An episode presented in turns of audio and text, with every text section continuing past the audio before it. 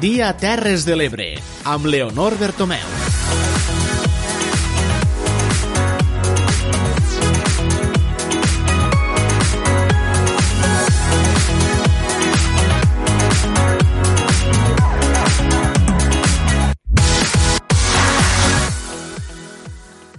Hola, molt bon dia, benvinguts a l'Aldia Terres de l'Ebre en uns minuts eh, de retard. Comencem aquí l'edició d'avui dimarts 13 d'octubre. Com cada dia, dedicarem la primera hora de programa a repassar l'actualitat, avui centrada en les últimes dades de Covid-19 al territori, entre molts altres temes. Com cada dia, els acompanyarem fins al punt de les 4 de la tarda i els avancem que avui, a l'entrevista biogràfica, Julià Alvesa ens oferirà una conversa que ha pogut amb els pares de Guillem Agulló, assassinat per l'extrema dreta ara fa 27 anys. Així que posem ja rumba al programa d'avui, com sempre recordant en primer lloc el nom de totes les persones que el fem possible i que són Tere Giné i Clara Seguí des de la Plana Ràdio, Núria Mora, Sara Hernández i Xavier Falcó des de Ràdio Tortosa, Laia Oltra i Francesc Callau des de la Cara Ràdio, Ju Júlia Alvesa des de Ràdio Juventut, Víctor Montecino avui des de Ràdio Delta, Tomàs Ginestra, Jordi Gallo i Manel Ramon des de Amposta Ràdio i Ruth Turc des de Ràdio Mora la Nova.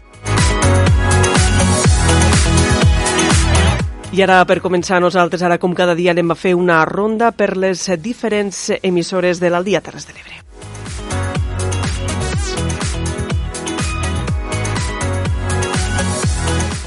Dos morts i 237 positius de Covid-19. Este és el balanç del darrer cap de setmana llarg a les Terres de l'Ebre amb un risc de rebrot per sobre dels 363 punts. Els cribatges massius realitzats als centres educatius de Tortosa han obligat a tancar 25 grups escolars als col·legis de la Sagrada Família de la Consolació, de l'Institut d'Espuig i de l'Escola Remolins.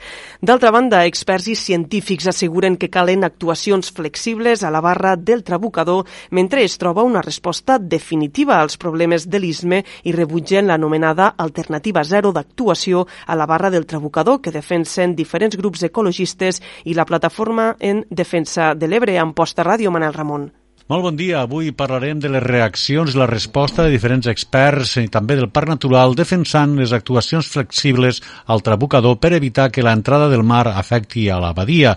Una resposta al recentment manifest publicat per organitzacions ecologistes demanant respectar la dinàmica natural de l'espai del trabucador sense intervencions. Els experts defensen que cal fer actuacions puntuals mentre es troba una solució definitiva en aquesta recessió de la barra del Trabucador i de part del Delta de l'Ebre. També els explicarem que Esquerra Republicana de les Terres de l'Ebre ha reclamat al Departament de Territori i a l'Estat espanyol salvar el Delta de l'Ebre. Ràdio Joventut, Julià Alvesa. Tenim eh, problemes en esta connexió amb Ràdio Joventut. En tot cas, els ampliarem esta informació en temps d'informatiu. Insistim que Esquerra Republicana de les Terres de l'Ebre ha reclamat al Departament de Territori i l'Estat espanyol salvar el Delta de l'Ebre. Anem ara fins a Ràdio Tortosa, ja que s'ha soterrat el cablejat aeri de la façana de la Catedral de Tortosa, Sara Hernández. Bon dia, Leonor. La companyia Endesa està soterrant el cablejat aeri que hi havia a la plaça de la Cinta de Tortosa i també preveu retirar el que hi havia enganxat a la façana de la catedral. L'actuació, coordinada amb l'Ajuntament, també adequarà la línia elèctrica que passava per sota de la plaça. Anem ara fins a la Cala Ràdio. Primer pas per desenvolupar el polígon industrial de la Mella de Mar, la Cala Ràdio Francesc Callau. Què tal, Leonor? Bon dia. Així és, primer pas per desenvolupar el polígon industrial de la Mella de Mar. La Comissió Territorial d'Urbanisme va aprovar la consulta d'avaluació ambiental del Pla Parcial del Sector Industrial 21. D'aquesta manera es podrà començar a treballar amb la tramitació urbanística. Anem ara fins a Ràdio Mora. La nova Flix destinarà 40.000 euros en ajuts als establiments comercials i turístics afectats per l'estat d'alarma Rut Turc. Bon dia, Leonor. L'Ajuntament de Flix ha obert una línia d'ajuts per a comerços, bars i restaurants obligats a tancar a causa de l'estat d'alarma declarat a mitjans del passat mes de març arran de la crisi sanitària. La quantia de l'ajut serà d'un import de 300 euros per establiment i s'ampliarà a 100 euros en el cas que els beneficiaris hagin invertit en transformació digital. Anem ara fins a la plana ràdio. El Partit Popular de Santa Bàrbara reclama que es convoquin plens ordinaris. El darrer es va fer el passat mes de juliol. La plana ràdio Tereginer. Bon dia, Leonor. Avui des de Santa Bàrbara us explicarem que el Partit Popular reclama a l'alcalde que es convoquin plens ordinaris. Segons eh, Joaquim Martí, no ho fa perquè no hi ha temes per tractar, però els populars recorden que s'han de traslladar temes relacionats amb les festes majors i que des del mes de juliol no se'n convoca cap. Ara està previst que a finals d'aquest mes d'octubre se'n porti a terme un. Serà un dels temes que us explicarem des de la Plana Ràdio.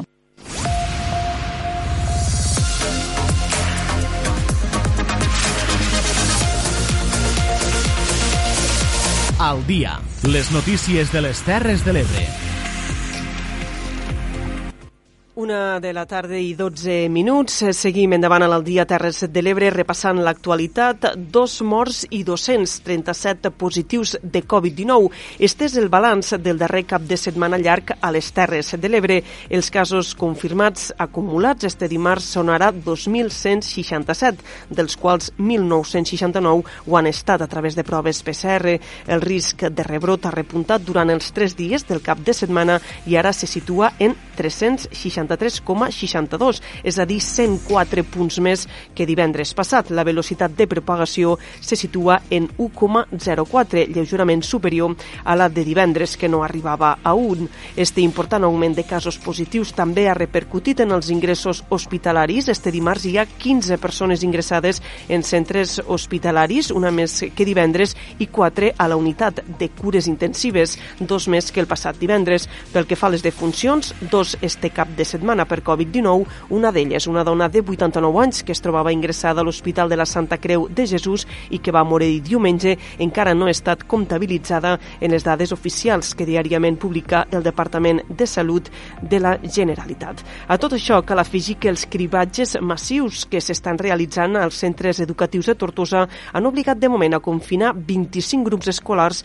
de diverses escoles de Tortosa. Ens ho explica des de Ràdio Tortosa, Sara Hernández. Després de la primera setmana dels cribratges massius als centres educatius de Tortosa, el Departament de Salut ha confinat 25 grups escolars al Sagrada Família, a la Consolació, a l'Escola de Remolins i l'Institut d'Espuig. Es tracta dels quatre primers centres dels 13 previstos fins al 26 d'octubre, on s'han realitzat els cribratges a conseqüència del brot de coronavirus de l'empresa Padessa. El centre amb major incidència ha sigut el Col·legi de la Sagrada Família, amb un total de 18 positius que han fet confinar 12 12 grups escolars. En l'Institut Cristòfol Despuig s'han detectat 8 positius amb 5 grups escolars confinats. Al Col·legi de la Consolació els grups confinats en són 5 i a l'Escola de Remolins els quebratges massius han obligat a confinar 3 nous grups. L'alcaldessa de Tortosa, Meritxell Roger, destaca el fet que la majoria dels casos positius detectats són asimptomàtics però que el que estem detectant és que hi ha molt pocs casos respecte al número d'alumnes, però sí que és evident que només que hi hagi un cas fa que aquella classe ja s'hagi d'aïllar i és el que ens estem trobant sobretot este cap de setmana que ja s'ha anunciat que diferents classes s'aïllaven, però que en tot el, el total de cribatges que hi havia realment el percentatge és molt baix i tots són asimptomàtics, cosa que també eh, ens fa encara més, més evident el que dèiem, no? que, que la gent jove, que els, els xiquets i xiquetes normalment no tenen símptomes i per tant és el que hem de veure i hauríem de conèixer per tal de que això no s'escampés sobretot als més vulnerables. Aquesta setmana els cribatges massius es faran als alumnes de l'Escola de Ferreries, la llar d'infants Mare Natura, l'Institut Escola El Temple i l'Institut de l'Ebre. Més qüestions, científics i experts, entre ells tècnics del Parc Natural del Delta de l'Ebre, recolzen la realització d'actuacions flexibles a la barra del Trabucador per estabilitzar-la davant possibles temporals mentre no es trobin solucions definitives. Així, rebutgen l'anomenada alternativa zero d'actuació a la barra del Trabucador que defensen diferents grups ecologistes i la plataforma en defensa de l'Ebre. Té tots els detalls des de Amposta Ràdio, Manel Ramon. És bon dia. Diferents experts de diferents àmbits i el Parc Natural del Delta de l'Ebre han defensat actuacions flexibles per refer la barra del Trabucador davant la possibilitat que l'entrada d'aigua marina arran d'un trencament prolongat perjudique ecosistemes i activitats humanes a l'interior de la badia dels Alfacs. Especialment vulnerable a la intrusió marina, recordem, és la població de les nacres als Alfacs, un dels últims reductes d'aquesta espècie en perill crític d'extinció. Tot i compartir part dels arguments del manifest publicat recentment per organitzacions ecologistes demanant respectar la dinàmica natural de l'espai sense intervencions, que se'n diu alternativa zero, asseguren que creuen que aquestes recents actuacions d'emergència poden permetre guanyar temps per prendre una solució més a llarg termini, com seria l'arribada dels sediments. Diversos experts i responsables han parlat d'aquest tema, entre ells el catedràtic de costes de l'Escola d'Enginyeria de Camins, Canals i Ports de la UPC, Agustín Sánchez Arcilla, qui creu que mantenir un tram important obert de la barra després del temporal podria acabar amb el temps acumulant els sediments a la punta de la banya en una illa i erosionar ràpidament l'Istme. Es tracta, diu, de solucions d'urgència. Així ho explicava. L'escoltem. El, el que li deia abans de que el trabucador és un pont de sorra és permetre el transport de sorra al llarg del trabucador i el transport de sorra a través del trabucador i que donguin temps per decidir alguna cosa, perquè tot això és una solució d'urgència. Dir també que el geòleg ebrenc Albararassa considera també que deixar la recuperació del trabucador exclusivament en mans de la mateixa dinàmica natural de l'espai suposa córrer el risc d'haver d'esperar força anys amb la possibilitat de que no es pugui recuperar mai més. Considera que les actuacions qüestionades pel manifest ecologista no es poden considerar dures i que amb caràcter puntual pretenen recuperar la sorra que havia marxat. Ho deia Albararassa, geòleg. Bueno, baix el meu punt de vista, jo considero que és una actuació puntual, i, penso que acertada. Per tant, ara el trabucador eh, té d'anar, eh, diguem-hi, modelant-se i esperem que aquesta tardor no hi hagi cap cosa, tardor, hivern, no hi hagi cap cosa així forta, tipus glòria, perquè llavors sí que estem bastant fotuts, no? I, bueno, esperar a cruzar els dits i esperar que tinguéssim una mica de sort. Ara, actuacions petitetes i puntuals, jo ho veig, sí, el Parc Natural del Delta de l'Ebre, per la seva part, va estudiar les afectacions ambientals i les actuacions de costes al trabucador per revertir els efectes del Glòria i va acabar donant el vistiplau. Segons el Parc Natural, si es vol mantenir les condicions més o menys igual que han mantingut el trabucador tancat, serà necessari fer aquestes obres d'urgència mentre es busquen solucions més a llarg termini. S'ha també de garantir tota l'activitat econòmica i humana en aquesta zona del Delta. Escoltem a Francesc Vidal, que és el director del Parc Natural però ara en aquest moment sembla que pues, per algunes espècies és, és, eh, seria indicat que este, el revocador o una via tingués la, les mateixes característiques que, que tenen ara. No? Clar, la, la presa de decisions eh, en aquest sentit eh, podem parlar de, de, de les condicions ambientals i dels ecosistemes i com s'afecten, no? però jo crec que també hi ha una part que s'ha de tenir en compte, les administracions han de tenir en compte, que són les, les qüestions socials i econòmiques i més té tot el tema dels cultius marins, el port de la Ràpita i altres eh, situacions, diguéssim, que tot el que fa referència a la pesca que, que s'han de tindre en compte. No? Dir també que la taula del consens per al Delta de l'Ebre demanarà el compromís dels grups parlamentaris inicien una ronda de reunions amb els representants polítics per impulsar el Pla Delta per lluitar contra la regressió. A tot això afegim que Esquerra Republicana de les Terres de l'Ebre ha reclamat al Departament de Territori i Sostenibilitat i a l'Estat espanyol salvar el Delta de l'Ebre. Els republicans han presentat una moció amb set punts per protegir i salvar el Delta. La portaveu republicana Irene Fornós i el diputat d'Esquerra Lluís Salvador han reclamat que s'inverteixin fons europeus i de la Generalitat per a protegir el Delta. L'alcalde de la Ràpita, Josep Caparrós, per la seva banda, ha reclamat la construcció del camí de guarda de l'abadia dels Alfacs. Ens informa des de Ràdio Joventut Joventut, Julio Alvesa. La portaveu del grup parlamentari República, Irene Fornós, i el diputat Lluís Salvador han presentat la moció per salvar el Delta de l'Ebre que han registrat avui i que es portarà al debat la setmana vinent al Parlament. Fornós ha assenyalat que es tracta d'una moció que engloba set punts diferents, entre els quals cal destacar el reclam del govern de la Generalitat a invertir els 6 milions d'euros del Departament de Territori que estaven pressupostats per salvar el Delta o instar el govern que exigeixi a l'Estat prioritzar per al 2021 l'execució de projectes ja redactats pel Ministeri Ministeri a la transició ecològica de protecció del litoral del Delta. Així ho assenyala el diputat republicà Lluís Salvador. Eh, avui el que volem és plantejar, com farem la setmana que ve, que el govern de la Generalitat eh, el conjunt de les forces eh, institucionals i socials del territori i, eh, òbviament, eh, també eh, dels grups parlamentaris eh, al Congrés de Diputats, fem prou força com per a que puguem aprofitar aquesta finestra històrica i puguem eh, disposar del finançament. Ja per a l'any 2021 on eh, l'Estat ja ha anunciat que destinarà 27.000 milions d'euros per a financiar la primera fase d'aquest pla i per tant tenim una oportunitat històrica per a poder desencallar tota una sèrie de projectes que han de protegir el litoral del Delta de l'Ebre. Finalment, l'alcalde de la Ràpita, Josep Caparrós, ha recordat al govern de la Generalitat i a l'Estat l'assignatura pendent de finalitzar el camí de guarda a l'abadia dels Alfacs.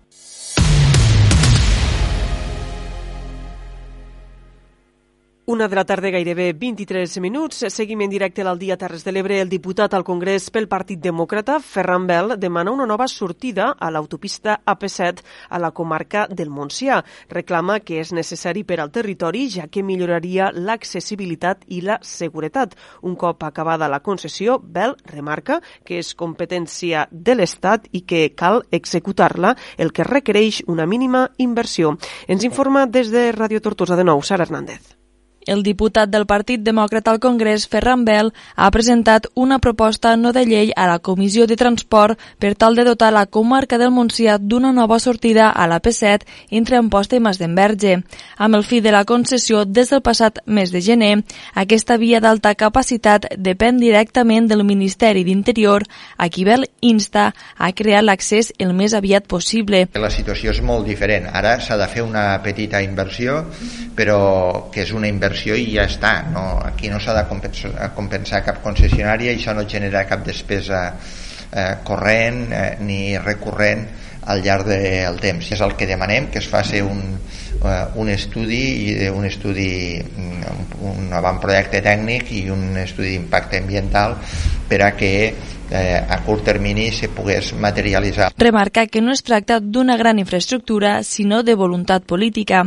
El diputat demòcrata ho qualifica de necessitat pel territori. Només per raons de seguretat, perquè no hi haguessin tants de quilòmetres eh, a recórrer quan hi ha un accident en aquests eh, trams, que sabeu que són trams que també històricament han tingut, eh, han tingut accidents, eh, només per comoditat, eh, no només eh, essencialment per la gent que viu al, a la comarca del Montsià, que és, eh, que és obvi, sinó perquè des de l'òptica eh, del turisme poder disposar d'aquesta nova sortida, sobretot a la part més eh, interior de la, també de la comarca, els hi podria eh, generar molts de beneficis. Paral·lelament, Ferran Bel s'ha mostrat satisfet de que finalment el govern de l'Estat assumeixi les peticions del seu partit respecte a la gestió dels romanents de tresoreria dels ajuntaments. A partir d'ara, els consistoris podran utilitzar aquests estalvis acumulats per invertir al seu municipi. Seguim en línia amb Ràdio Tortosa i amb Sara Hernández, ja que Endesa ha iniciat els treballs per soterrar el cablejat aeri de la plaça de la Cinta de Tortosa i per a retirar el que hi ha enganxat a la façana de la catedral, una actuació que se suma a les que s'han dut a terme a diversos carrers del nucli històric i altres barris de la ciutat. Aquesta setmana han començat els treballs per soterrar el cablejat aeri de la plaça de la Cinta de Tortosa, actuació que també permetrà retirar el cablejat que està enganxat a la façana de la catedral damunt de la Porta de l'Olivera. Es tracta d'una actuació coordinada entre l'Ajuntament, el Bisbat i la companyia Endesa. L'alcaldessa de Tortosa, Meritxell Roger, apunta que era necessari en un punt clau del patrimoni tortosí que és una obra molt complexa i, per tant, a hores d'ara ja està en marxa i en pocs dies estarà ja finalitzada i retirat tot aquest cablejat que tant molesta a la vista, però a més a més en aquest cas és que està afectant també al nostre patrimoni.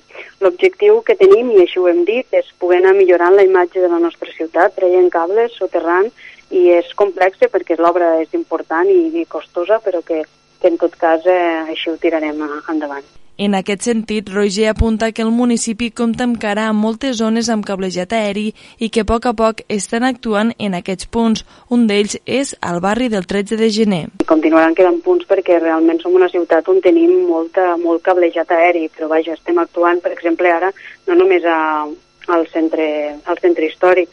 Estem també retirant cablejat al barri de, del 13 de gener, el barri del grup del Temple. Allà eh, s'està retirant també i per tant tampoc tindrem aquelles palometes antigues que, que suposaven també un perill i que hores d'ara també s'estan retirant de, dels edificis. Durant els darrers anys, Endesa, a petició de l'Ajuntament, ha retirat el cablejat aeri de diversos carrers del nucli històric de la ciutat, com el carrer Mercaders, el carrer del Carme, a l'àmbit de la plaça Agustí Querol i la plaça dels Estudis. Actuacions que ajuden a millorar l'aspecte dels carrers i a reduir l'impacte visual del cablejat. I des de Tortosa anem ara fins a l'Ametlla de Mar. La Comissió Territorial d'Urbanisme de les Terres de l'Ebre ha aprovat la consulta d'avaluació ambiental del Pla Parcial del Sector Industrial 21 de l'Ametlla de Mar. D'esta manera es podrà començar a treballar amb la tramitació urbanística. És una crònica de Francesc Callau. Aquesta avaluació ambiental és un informe previ a l'aprovació del pla parcial que comporta el compliment de tots els paràmetres mediambientals i la confirmació de tots els organismes implicats. El regidor d'Urbanisme, Antonio Espuny, explica que el fet que el 2016 es tombés el POUM ha fet endarrerir tot el procés. El fet de que el, 10, el 16 se'ns tombiés el pla general va parar tot el procediment, sinó el que ara anem a fer ja faria més de 3 anys o 4 que ja s'hagués fet perquè pensem que al poble de la Mella de Mar hem de tindre la possibilitat de desenvolupament eh, al polígon industrial d'activitats que vulguin vindre i actualment pues, l'Ajuntament no disposa o no disposava eh, de cap mena de terreny. Tots estaven eh, d'alguna manera venuts a, a particulars i d'esta manera pues, tindrem sol, sol públic i sol privat al mercat per a que si alguna iniciativa pugui instal·lar-se aquí. Tot i que és un pas molt inicial, Espuny apunta que sembla que comença a agilitzar-se tot el procés hem, hem començat i penso que hem començat a bon peu i que a uh mhm. -huh. partir d'ara pues, podrem tindre ja una velocitat més que acceptable perquè el més ràpid possible poguéssim tindre este pla parcial eh, damunt de la taula i obert a totes les iniciatives que per part de les empreses o de particulars vulguin instal·lar-se al nostre poble. A partir d'aquí s'ha d'aprovar provisionalment i seguir amb el projecte d'urbanització i projecte de reparcel·lació. Anem ara fins a la Ribera d'Ebre. Flix destinarà 40.000 euros en ajuts als establiments comercials i turístics afectats per l'estat d'alarma declarat arran de la pandèmia de la Covid-19. Ens informa des de Ràdio Mora la Nova, Ruth Turc. L'Ajuntament de Flix ha obert una línia d'ajuts per als comerços, restaurants i bars obligats a tancar a causa de l'estat d'alarma declarat a mitjans del passat mes de març arran de la crisi sanitària. La quantia de l'ajut serà d'un import de 300 euros per establiment i s'ampliarà a 100 euros en el cas que els beneficiaris hagin invertit en transformació digital. L'alcalde de Flix, Francesc Barbero, ha explicat per què han volgut premiar especialment els comerços que han apostat per la digitalització. No tots els comerços poden vendre per online i no es tracta d'això, però sí que poden estar presents a xarxes, eh, mobilitzats en l'ambient digital i haver incorporat doncs, elements que a vegades faltaven a la majoria de comerços. No? S'ha fet molta formació també en aquest estil, en aquest sentit, durant aquests mesos i volem premiar la gent que s'ho ha agafat a, a seriosament perquè a més estem convençuts de que és una de les úniques línies que pot ajudar el comerç local. Fes present, interactua molt en la xarxa de proximitat, en els teus clients. El consistori Flixenc destinarà 40.000 euros a aquests ajuts, provinents de la partida pressupostària de les festes majors, que no es van poder celebrar per la crisi sanitària. El ple de l'Ajuntament va aprovar per unanimitat les barres reguladores d'aquests ajuts en el darrer ple celebrat el divendres passat. Ens desplacem ara fins a la comarca del Montsià. El Partit Popular de Santa Bàrbara reclama que es convoquin plens ordinaris. El darrer es va celebrar al mes de juliol. Té més detalls des de la Plana Ràdio, Tere Giner. Efectivament, Leonor, el darrer ple que es va celebrar extraordinari fou el dia 30 de setembre i si hem de parlar de l'ordinari ens hem de traslladar al mes de juliol. Martí explicava que ja li han reclamat més d'un cop a l'alcalde que convoqui els plens ordinaris, que és quan es poden fer pregs i preguntes. Bueno, pues del mes de juliol que no fem un ple ordinari. Un ple ordinari, perquè la gent no entengui la diferència entre extraordinari, és que al final no hi ha pregs i preguntes. Llavors, este mm, eh, va deixar una mica mica el torn de paraula, però tampoc no va deixar-ho del tot clar. Llavors, hi ha moltes pregs i moltes preguntes que nosaltres tenim, perquè des del mes de juliol fins a este final de, de mes que no farem el següent ple ordinari, tenim moltíssimes preguntes i, i alguns dubtes, claro, i, i pregs que volem fer i per nosaltres hagués sigut millor poder fer un ple ordinari a finals del mes passat tal i com s'havia de fer, però el senyor alcalde va dir que no hi havia punts a ordre del dia per a tractar. Segons Martí, hi ha temes relacionats amb les festes majors que els han fet arribar veïns i veïnes del nostre poble que els volen tractar en un ple ordinari. De festes majors, hi ha moltíssimes coses de festes majors que, que bueno, ens han fet arribar algunes preguntes als veïns i tenim coses que volem parlar-ho, no hem pogut fer-ho abans. És cert que Antonio ens va dir que li enviéssim les preguntes per, a, per avançat, però veure, nosaltres ja des d'un principi vam dir que les preguntes les, enviari, les faríem el mateix dia, llavors jo crec que la majoria de preguntes que podrem fer se poden contestar i, i ells treballen i tenen una jornada dedicada a l'Ajuntament per a poder, dedicar, poder contestar aquestes preguntes al mateix moment. Llavors esperem pues, que les puguin contestar i si són preguntes de números que sabem que no les poden contestar en aquest moment pues, de fet alguna regidora sí que li han fet arribar alguna pregunta que li farem per a que pugui preparar la, la, la documentació. Això sí, en coses que és, és de cajón. El regidor també es pronunciava sobre en què s'han de destinar els diners que no s'han invertit en festes majors. Creu que s'haurien d'invertir en baixar impostos, contribucions, basures i ajudar a la gent del poble que en aquests moments els fa falta. Una del migdia i 33 minuts. Obrim ara plana cultural a l'Aldia Terres de l'Ebre. L'artista de Deltebre, Cristina Iglesias, ha estat guardonada amb la medalla d'Escultura 2020 per l'Associació Espanyola de Pintors i Escultors en els Premis Anuals Puro Arte 2020. L'equip de Cristina Iglesias ha estat guardonat amb l'escultura de silicona Bebé Avatar i és la primera vegada que en este certamen artístic es premia una escultura hiperrealista. Precisament, Cristina Iglesias valora que per primera vegada es reconega l'hiperrealisme en certaments d'escultura. De fet, l'hiperrealisme és algo molt nou. Aquí, el que diguéssim a nivell peninsular, no, pràcticament no n'hi ha d'artistes que treballen l'hiperrealisme. Llavors, la gent que pot veure exposicions en hiperrealisme per aquí sempre és per part d'artistes estrangers, no es coneix massa, no? Llavors és com dir, este nou registre aquí també s'està fent a prop i s'està fent en la mateixa qualitat que ho estan fent els artistes de fora, no? I que això ja se comença a mostrar i es comença a, a premiar, doncs la veritat, està molt bé. Les restriccions especials imposades a la Comunitat de Madrid per la situació de la pandèmia han ajornat l'acte d'entrega dels Premis Puro Arte 2020 i també la inauguració de l'exposició que recull les obres guardonades en esta edició del certamen. Malgrat no s'ha pogut fer la inauguració, l'exposició es pot visitar ja físicament fins al 22 de novembre a l'espai El Silo de Hortaleza, a la ciutat de Madrid. També s'ha preparat un catàleg en línia per als que no puguin visitar-la presencialment. Més qüestions a l'Aldia Terres de l'Ebre. Diumenge, bombers de la Generalitat van realitzar a tot Catalunya 12 sortides per diferents rescats de muntanyistes, entre ells un al Mas de Barberans, ens informa Tere Giner. Efectivament, Leonor i tres d'aquests accidentats han estat aquí, a les Terres de l'Ebre, concretament a la zona del Mas de Barberans. Una persona caïa a la ruta dels ports quan tornaven de la Cova del Vidre, a Mas de Barberans, el passat diumenge. Els bombers alertaven a les quasi les 4 de la tarda i s'activaven amb dos dotacions terrestres i un helicòpter. De fet, els efectius localitzaven i atenien la persona accidentada que presentava un tall al genoll genoll.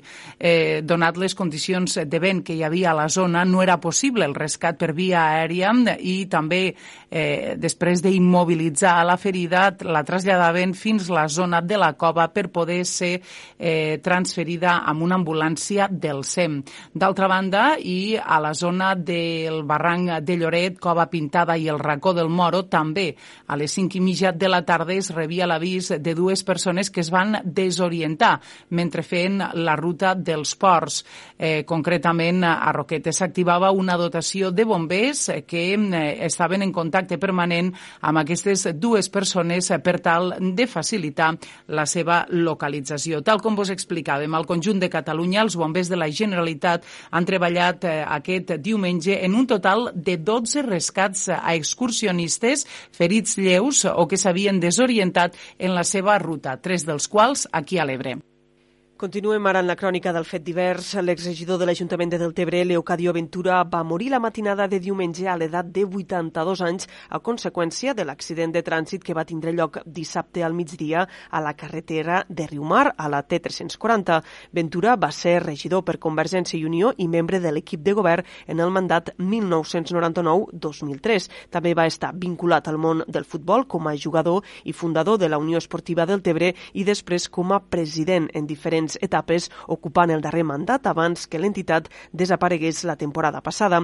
El sinistre en el que va morir Ventura va tindre lloc dissabte al migdia quan, per causes que s'estan investigant, el vehicle que conduïa i un altre van xocar frontalment al punt quilomètric 4,9 de la carretera T340. A conseqüència de la col·lisió, els dos conductors van resultar ferits, un greu i un de menys greu, i van ser evacuats a l'Hospital de Tortosa Verge de la Cinta, on la matinada de diumenge va acabar morint Leocadio Ventura.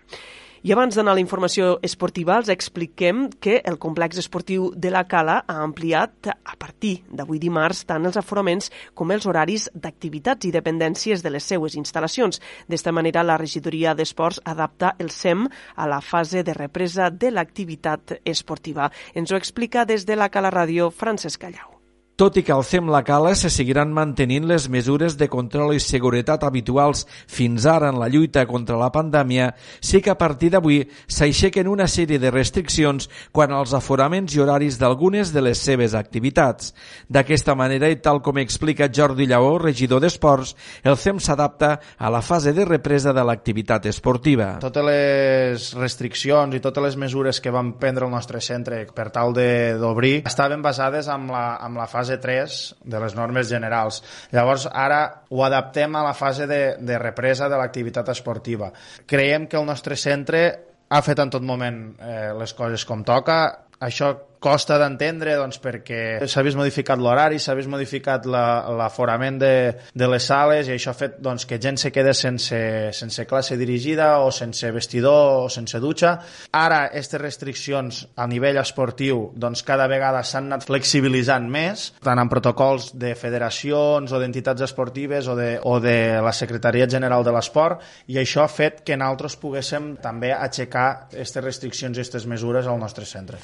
Així doncs, els usuaris hauran de seguir passant per un control de temperatura i desinfecció del calçat, mantenir la distància de seguretat, traçabilitat com feien fins ara, però per exemple ja podran disposar dels vestidors prioritàriament els usuaris de la zona d'aigües i classes dirigides i les places restants es podran utilitzar per part dels usuaris de la sala fitness. Entre les restriccions que s'aixequen destaca l'eliminació del tancament del centre al migdia. Això farà que es pugui recuperar la quota del comerç restringida a horaris molt concrets de matí, migdia i tarda que ara ja es podrà tornar a aprofitar. Quan a les classes dirigides s'incrementaran dos persones l'aforament de la sala spinning, en tres la sala hatch i en una persona més la sala petita.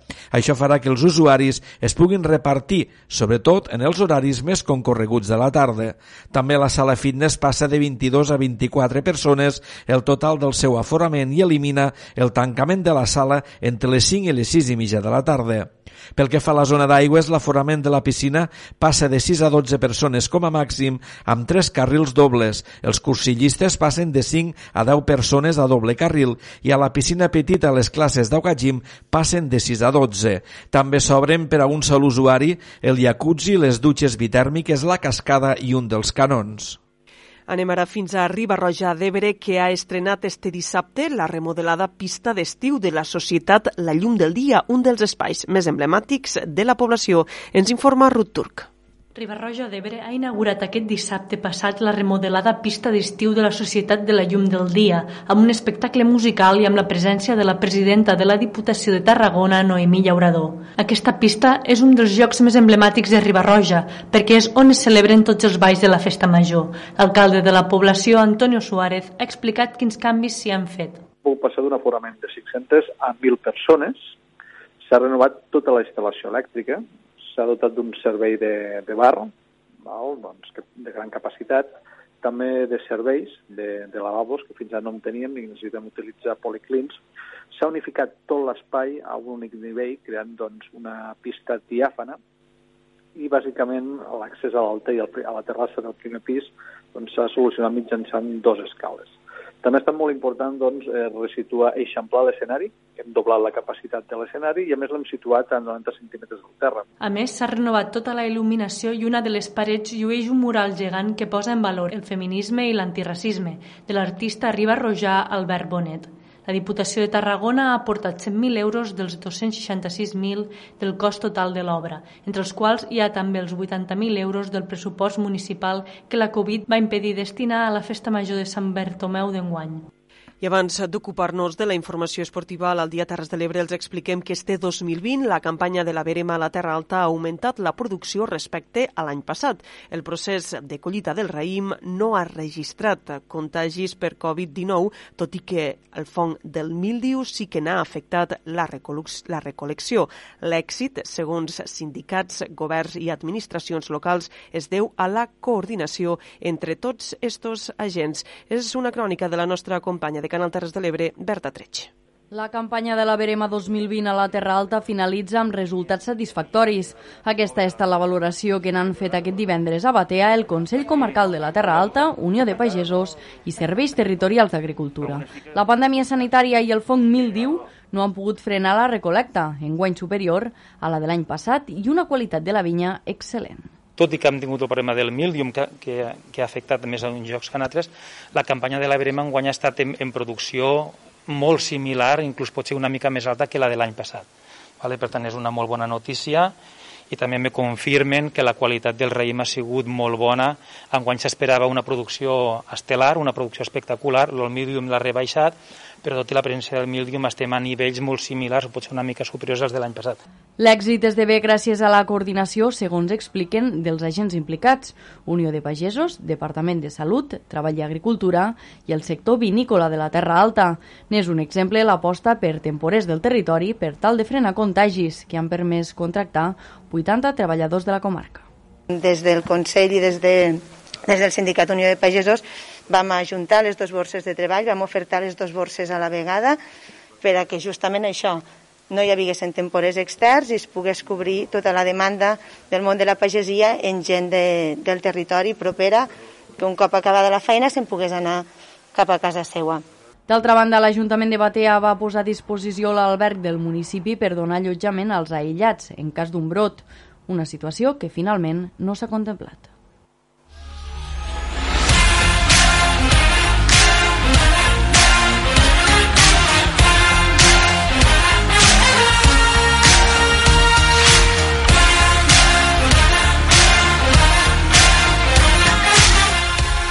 Al dia. Els esports de les Terres de l'Ebre. Una de la tarda, gairebé 45 minuts. Ens ocupem ara de la informació esportiva al Dia Terres de l'Ebre. Este passat cap de setmana s'ha disputat la segona jornada de les lligues territorials de futbol. Comencem parlant de l'encontre entre la Rapitenca i l'Escó, ja que un gol in extremis de la Rapitenca va salvar l'empat davant l'equip de la Ribera d'Ebre, que podem dir que va dominar el partit en les dues parts. La Rapitenca, però, va lluitar fins al final per aconseguir arribar a l'empat amb el gol del jugador local Marc Lleixà. La Rapitenca va poder salvar un punt, l'Escó, però considera que en va perdre dos. És una crònica de Júlia Alvesa.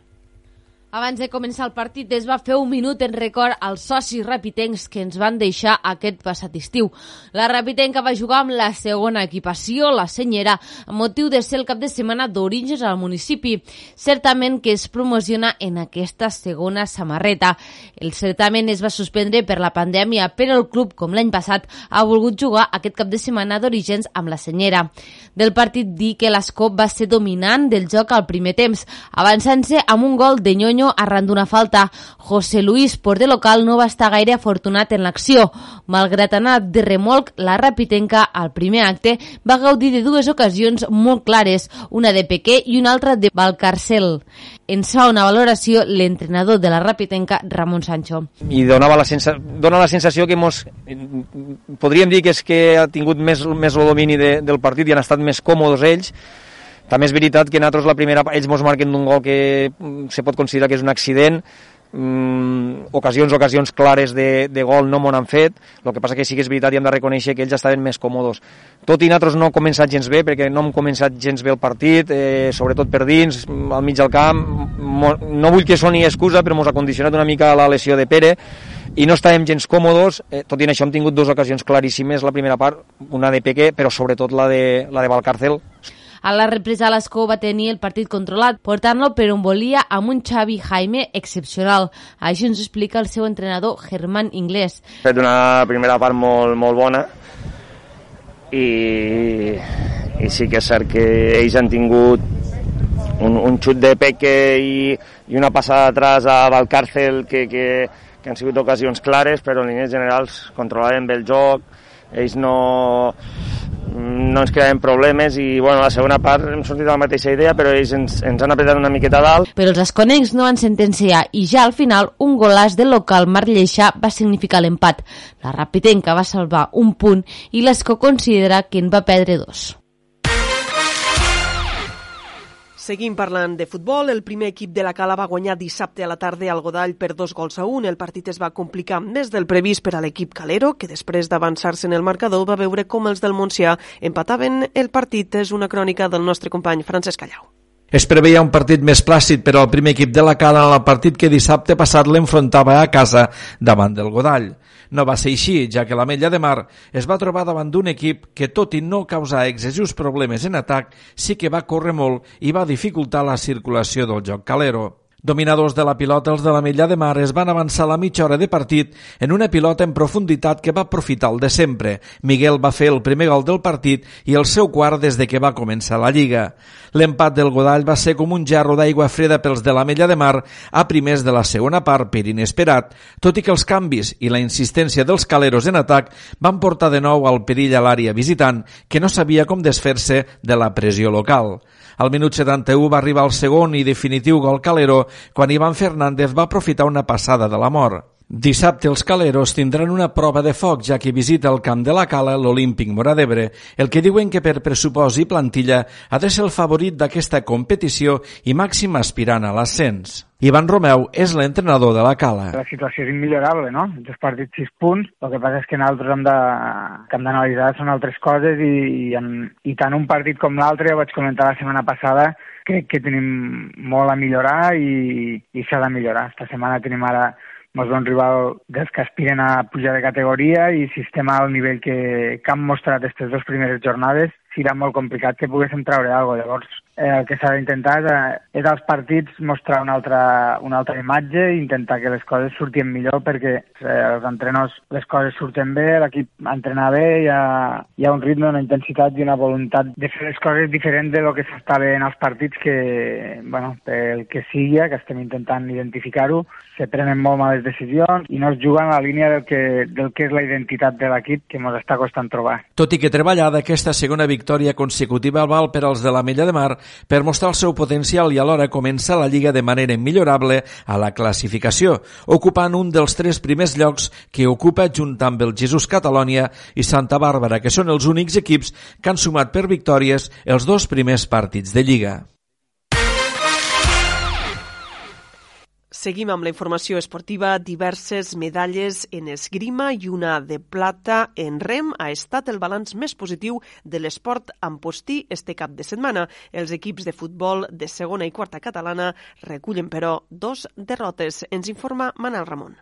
Doncs fem un ràpid repàs als diversos esports postins que s'han disputat aquest cap de setmana. Comencem dient que el dissabte es va celebrar el Campionat de Catalunya M15 d'espasa femenina i masculina a Sant Sadurní de Noia, amb molts bons resultats per alçar l'esgrima en posta. Es va fer podi amb medalla d'or amb Daniela Pinyol Tomàs i amb totes tres medalles amb nois, Xavi Accensi, Ferran Tomàs i Van Borodín. Per equips també es va aconseguir el primer i tercer lloc en espasa masculina, per tant, bons resultats per alçar l'esgrima en posta plata. D'altra banda, hem de parlar d'una medalla de plata, com en l'anterior edició, l'ampostina Aina Cid i la càntabra Virginia Díaz van tornar a pujar al podi del Campionat d'Europa de rem absolut, en aquesta ocasió al llac de Malta de Poznan, a Polònia, no van poder repetir la medalla d'or de l'anterior edició, però es van penjar la medalla de plata en acabar la final en una meritòria segona posició al darrere de Romania. Menys positives les notícies pel que fa al futbol, ja que el club de futbol Amposta de la segona catalana perdia el camp dels remolins Piten per 2 a 1. Fallava un penalti al minut 95 que li hagués pogut suposar l'empat. Pel que fa a l'Amposta B, perdia a casa 1 a 2 davant del Santa Bàrbara. Acabarem recordant també que la Real Federació Espanyola d'Handbol va ajornar el partit corresponent a la tercera jornada del Campionat de Lliga de la Divisió d'Honor de Plata femenina estatal del grup C entre l'handbol en posta a la grama i el balonmano Elda Prestigio que s'havia de disputar el passat dissabte. El motiu fou el confinament per la Covid-19 de component de la plantilla de l'equip d'Elda.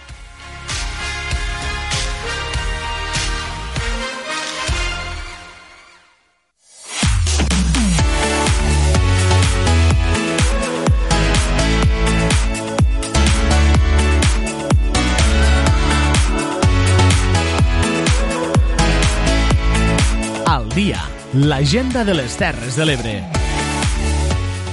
Ens ocupem ara al dia Terres de l'Ebre de l'agenda d'activitats culturals i d'oci. Anem en primer lloc fins a Ràdio Tortosa. Sara Hernández, bon dia. Bon dia, Leonor. Demà el campus de la URB Terres de l'Ebre a Tortosa impartirà la jornada formativa Innovació en l'àmbit educatiu en temps de Covid-19, activitat presencial a l'aula magna i per streaming que comptarà amb el ponent Xavier López, director de l'Escola Octavio Paz de Barcelona. Serà de 6 a 8 de la tarda i abordarà la situació de l'educació en temps de pandèmia i el Museu de l'Ebre, situat al pont del mil·lenari de Tortosa, acollirà fins al 22 de novembre l'exposició Retalls, un recull de captures realitzades al llarg dels darrers 12 anys amb apunt biogràfic de Senen Escoda. Estarà obert els dissabtes d'11 de matí a 2 del migdia i de 5 de la tarda a 8 de la tarda i diumenges d'11 a 2 del migdia i fins aquest dijous estan obertes les inscripcions per participar a la Caminada Solidària de Pauls del proper diumenge 18 d'octubre. Els participants s'hi podran apuntar a les oficines de l'Ajuntament per recórrer l'itinerari de les Coves Roges que estarà encapçalat per un guia interpretador. Tots els fons recaptats es destinaran al projecte M. I avui, per acabar esta primera hora de l'Aldia Terres de l'Ebre, els oferim la col·laboració que ens fan arribar cada setmana des de la Direcció General de Protecció Civil. Com cada setmana, els consells ens arriben de la mà del cap de Protecció Civil a les Terres de l'Ebre, Miquel Alonso. Bon dia a tots els oients del dia Terres de l'Ebre. Han passat un cap de setmana en la tònica predominant ha estat el vent en alguns sectors de les Terres de l'Ebre. Al Perelló s'han registrat ratxes màximes superior als 80 km per hora i al Mas de Barberans eh, una ratxa va assolir els 92 km hora. Això sí, no s'han destacat incidències eh, remarcables. Esta setmana que encetem ve marcada per la baixada de temperatures que ja es va produir diumenge i que s'anirà accentuant al llarg dels dies. Les temperatures eh, en alçada, ja sabeu que sempre prenem com a referència estos 1.500 metres o, o els que nosaltres eh, coneixem com 850 hectopascals de pressió, són baixes i això també eh, vol dir que es notarà en superfície fins a pràcticament lo divendres. Les temperatures aniran, aniran baixant. A partir del dissabte, la temperatura en general eh, a l'alça. El que també serà protagonista al llarg de la setmana serà una setmana més lo vent, de component nord-oest i oest, és a dir, de mestral i de ponent, com el que ens ha afectat este cap de setmana. Haurem d'estar atents als avisos de possibles situacions meteorològiques de perill del Servei Meteorològic de Catalunya. Demà, possiblement, sigui el dia en més incidència del vent. Hem d'estar atents. Ara, de moment, no hi ha cap avís de situació meteorològica de perill emès pel Servei Meteorològic de Catalunya que ens afecte, però en canvi sí que hi ha un avís groc de l'AEMET, l'Agència Estatal de Meteorologia, per vent que afectarà el litoral i prelitoral de les Terres de l'Ebre fins a les 5 de la tarda. Hi ha entre un 40 i un 70% de possibilitats de superar la ratxa màxima de 80 km hora. Així que, com vos dic, molt atents.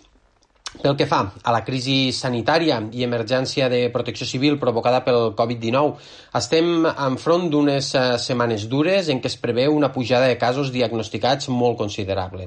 Les autoritats sanitàries demanen que reduïm la nostra activitat social unes setmanes, ja que la transmissió de caràcter social és la que més s'està disparant. La setmana passada ja vos vaig comentar que per a frenar la pandèmia, perquè de fet eh, només se pot frenar o minimitzar, no la podrem ni controlar ni guanyar, ni res per l'estil, és imprescindible apel·lar al comportament de les persones i a fer cas de les recomanacions.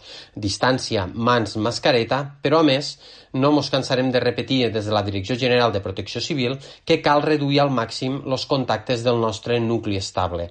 Només així se poden controlar les cadenes de transmissió i alhora se reduirà també la possibilitat de contagi comunitari. I també una qüestió molt important, reduir la mobilitat. Recordeu que el virus viatja amb les persones i, per tant, nosaltres som el seu vehicle de transport. Com més reduïm la nostra mobilitat, menys capacitat tindrà el virus d'expandir-se. A nivell de les Terres de l'Ebre, en les dades d'ahir, actualment el risc de rebrot se situa en 363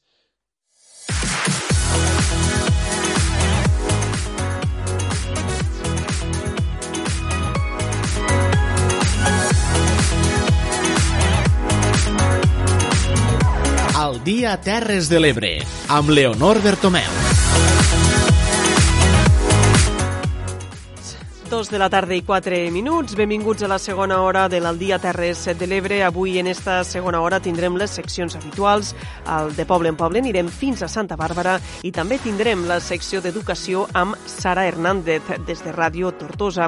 També parlarem amb el senador i primer secretari del PSC a les Terres de l'Ebre, Manel de la Vega. Tot això serà després. Ara, com cada dia, comencem esta segona hora amb el repàs als principals titulars d'avui dimarts, 13 d'octubre. Thank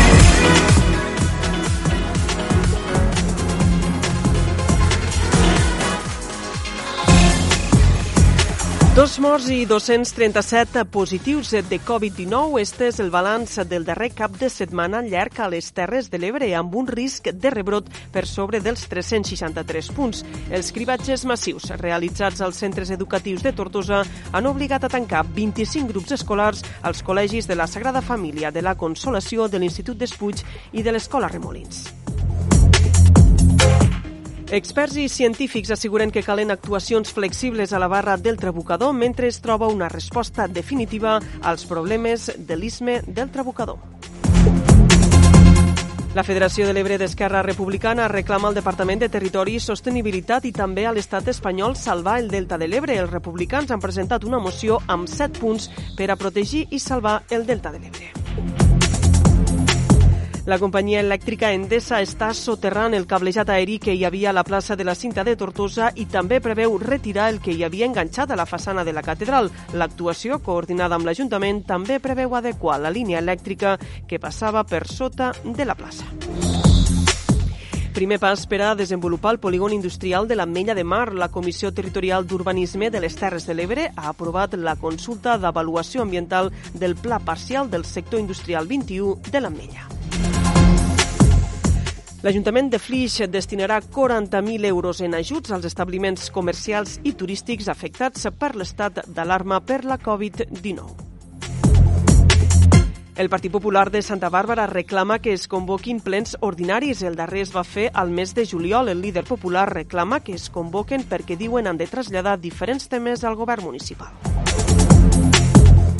El diputat al Congrés pel Partit Demòcrata, Ferran Bel, demana una nova sortida a l'AP7, a la comarca del Montsià. Reclama que és necessari pel territori, ja que milloraria l'accessibilitat i la seguretat. Un cop acabada la concessió, Bel remarca que és competència de l'Estat i que executar-la requereix una mínima inversió. També els expliquem que l'artista de Deltebre, Cristina Iglesias, ha estat guardonada amb la medalla d'Escultura 2020 per l'Associació Espanyola de Pintors i Escultors en els Premis Anuals Pur Art 2020. L'equip d'Iglesias ha estat guardonat amb l'escultura de silicona Bebé Avatar. Rescatats diumenge dos excursionistes desorientats a la zona del port i una de ferida a la zona del Mas de Barberans. I per acabar, afegim que Riba Roja d'Ebre estrena la remodelada pista d'estiu de la societat La Llum del Dia. Estos són els principals titulars d'avui, dimarts 13 d'octubre. Nosaltres, a l'Aldia Terres de l'Ebre, ens posem ja en els continguts d'esta segona hora.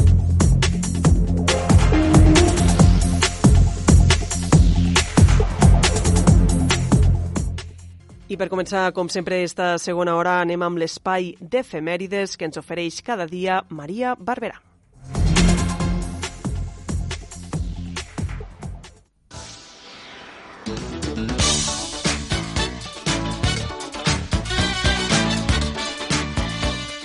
Benvingudes i benvinguts de nou a l'espai d'efemèrides. Avui és 13 d'octubre. Comencem. Tal dia com avui, el 13 d'octubre de 1842, s'estableix per reial decret de la reina Isabel II la bandera nacional espanyola. Aquest decret determina que totes les banderes siguen de la mateixa forma, mides i color a la bandera de l'armada amb els colors groc i roig. El 13 d'octubre de 1909, Francisco Ferrer Guàrdia és afusellat per ser el suposat instigador del tumult de la Setmana Tràgica de Barcelona. Al 1934 a Astúries, un 13 d'octubre, les forces rebels es rendeixen davant el govern de la República. El 13 d'octubre de 1972, un avió uruguaià que viatjava amb destí a Xile s'estavella al glaciar de les Llàgrimes a la cordillera dels Andes, amb 45 persones que són donades per mortes, però dos mesos més tard són rescatats 16 supervivents. El 2006, un 13 d'octubre, Mohamed Yunus i el Banc Grameen reben el Premi Nobel de la Pau pel desenvolupament i implementació dels microcrèdits. El 13 d'octubre de 2010, a la mina San José, prop de Copiapó, a Xile, finalitza amb èxit el rescat dels 33 mines atrapats des de 69 dies abans. El 13 d'octubre de 2016 l'Acadèmia Sueca atorga a Bob Dylan el Premi Nobel de Literatura. I acabem recordant que el 13 d'octubre de 2017 començava a Galícia, Castella, Lleó i Astúries una onada d'incendis forestals que va durar fins el dia 19 d'octubre i que va suposar la pèrdua de 4 vides i més de 35.000 hectàrees calcinades. I fins aquí el repàs a les efemèrides del dia, que acabeu de passar una feliç jornada.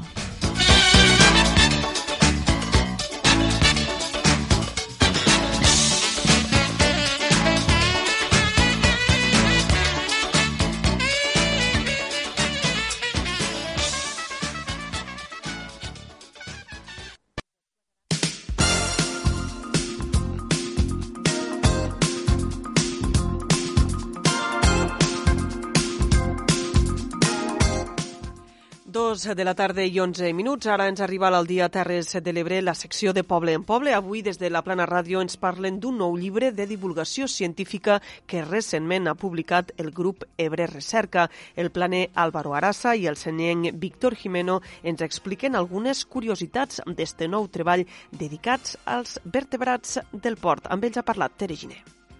Bé, i avui a l'Espai Poble a Poble vos presentem eh, un nou llibre, Vertebrats del port, peixos, amfibis, rèptils i mamífers. De fet, aquest és el llibre que la setmana passada es va presentar a la Biblioteca de Roquetes, creat recentment eh, a càrrec de, del grup Ebre Recerca. En aquest cas eh, és el grup, però les persones que, que signen el llibre són Víctor Jimeno, Carles Flaquer i Fèlix Amat.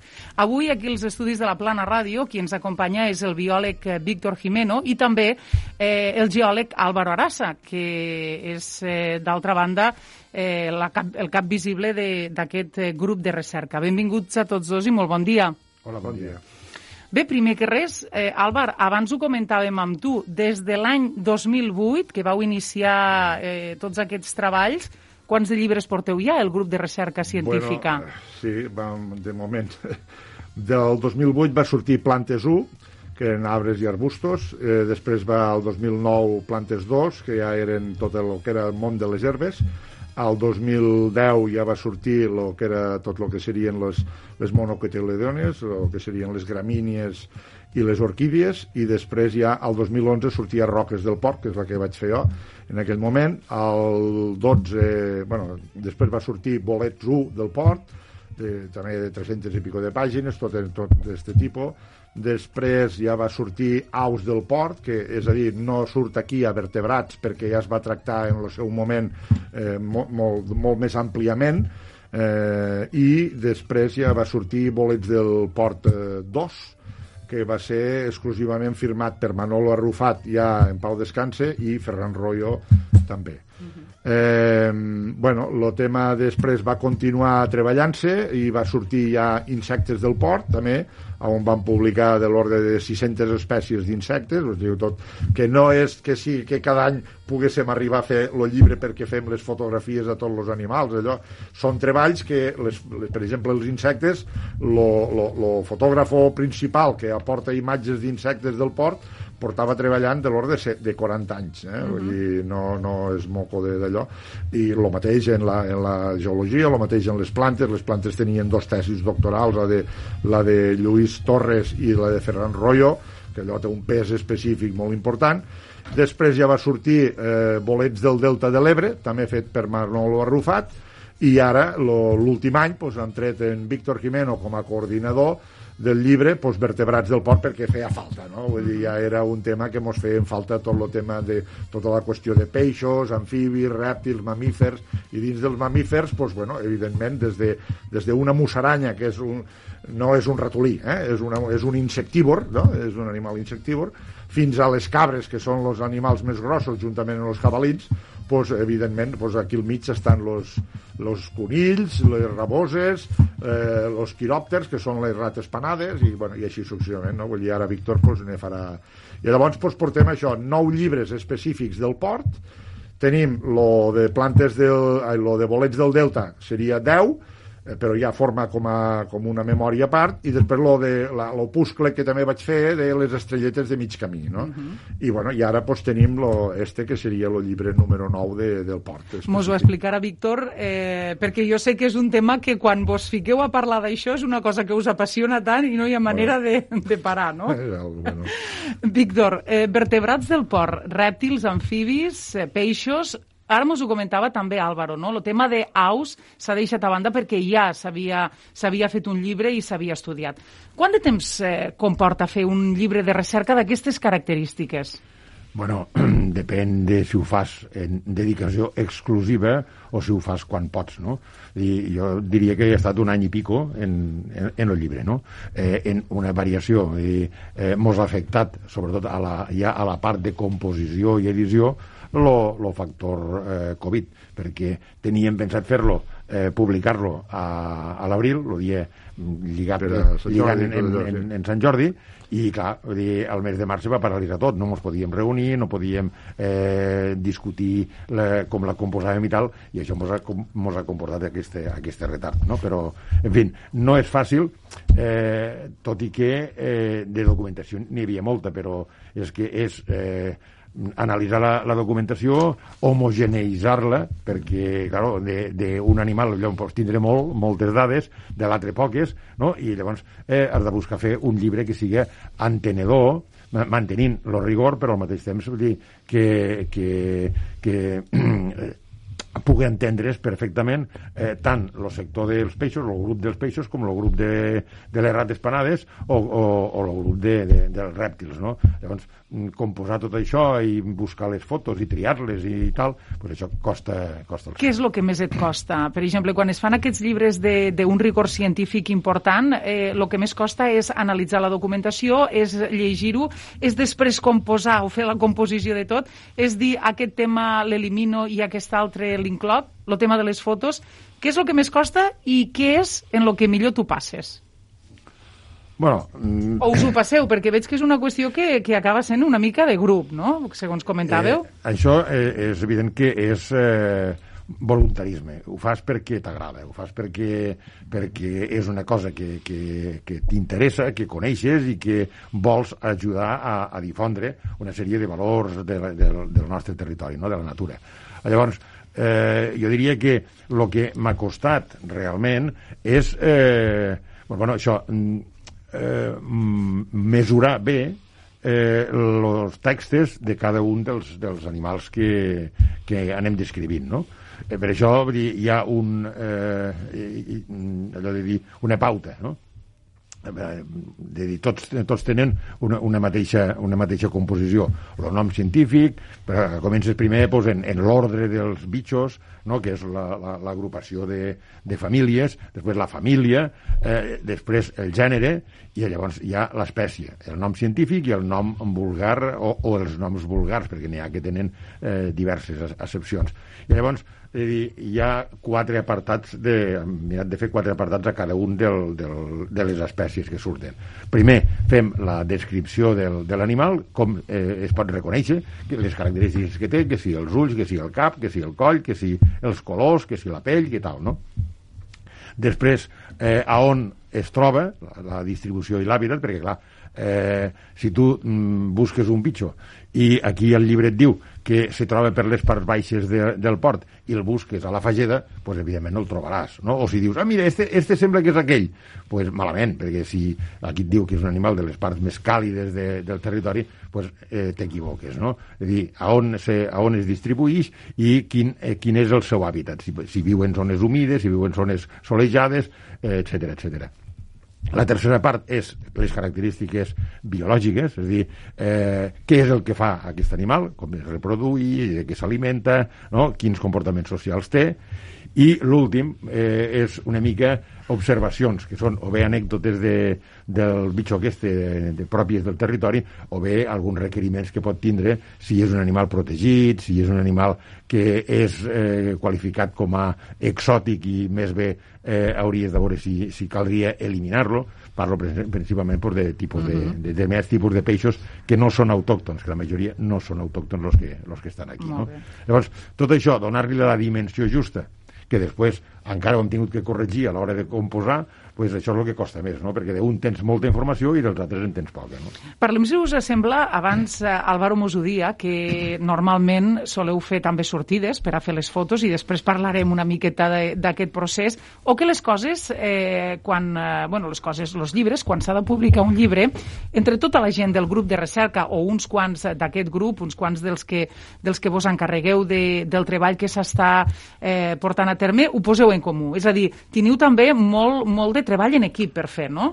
Sí, en principi l'equip, eh, bueno, bàsicament, qui ha portat lo pes, diguem de la, de l'edició d'aquest llibre de vertebrats és, és Víctor, diguem coordinant-se en, en els companys de, del Museu de Granollers que han participat sobretot en, la, en el tema d'amfibis i rèptils i després en els quiròpters, que són les rates panades, no? és a dir, els mamífers voladors eh, tot el més eh, és, és responsabilitat de Víctor i a la vegada coordinar-ho no?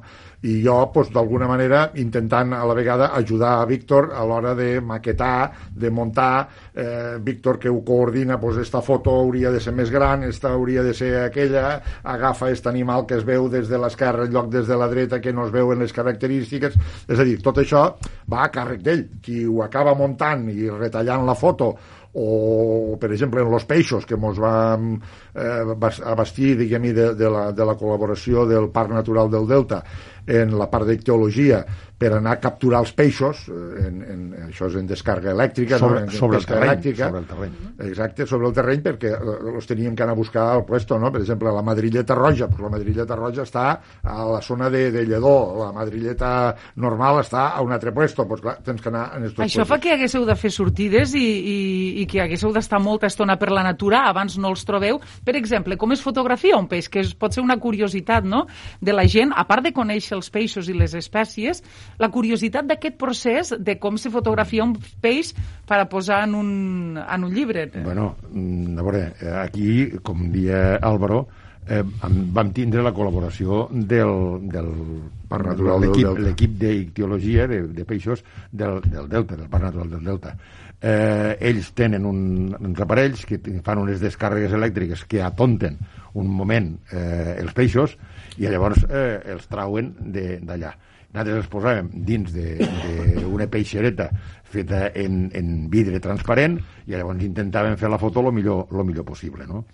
I bueno, pues això és una sortida que diu, bueno, pues anirem en aquell barranc perquè sabem que allí n'hi ha, perquè no sé què, perquè el que diu ell. Vull dir, n'hi ha, hi ha peixos que estan en determinats llocs i no estan en altres, no? I llavors vam anar allà perquè, per exemple, la madrilleta roja que diu, pues és una espècie que és endèmica, és, és, és característica d'aquí d'aquí de, de, de la península ibèrica i sobretot d'esta banda de, de la vora del Mediterrani, no? i bueno, pues, allí la, la tenim només en, en determinats llocs. No? Vam anar allà i, i bueno, sempre passen algunes anècdotes. No? L'anècdota és que eh, quasi ens juguem la, la salut física d'Àlvaro. Álvaro, què va passar? Bueno, pues lo normal en estos casos, vas per allí, eh, bueno, la gent treballa, érem sis o set que estàvem per allí, no?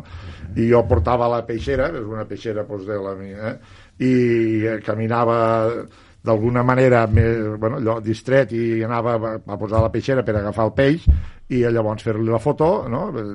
i ara ja dic, vull dir, la peixe, la, eh, no, no és fàcil perquè el peix aquell comencen a fotre bots per allí dintre i llavors has de tirar la, la càmera el que fas és tirar a, a alta velocitat moltes fotos, eh, igual d'un cop tires 30 o 50 fotos, uh -huh. i eh, clar, alguna sempre l'agafes en la postura que, que t'interessa, no? Bueno, llavors, els escatxits, les gotes d'aigua, tot això s'ha d'evitar, i llavors, això sí, sobretot si algú vol fer-ho, ja li dono jo la trampa, és a dir, necessita una peixera i un fondo blanc. Eh? Un fondo blanc, no un altre, un altre color, no, un fondo blanc i llavors eh, s'ha de, esta foto s'ha de retallar, el peix s'ha de retallar perquè quedi com ara aquí el veiem a títol individual, perquè cada un té la seu, el seu fondo, el seu... són fondos que a lo millor no ens interessen i llavors s'han de retallar, no? Bueno, allí vaig patinar i, bueno, d'aquestes coses que patines, puges a un metro d'alçada i caus, però en la lumbar i l'esquena, però una castanya impressionant i, i la feina va ser meua per a tornar a baixar d'allà baix conduint i arribant a casa i després al metge, radiografies i tot. Bueno. O sigui que són llibres amb risc, eh? Bueno. que tenen un risc. Bueno, en risc no, però bueno, pot, pot passar això, eh? és a dir, no només me pot passar a mi, pot passar...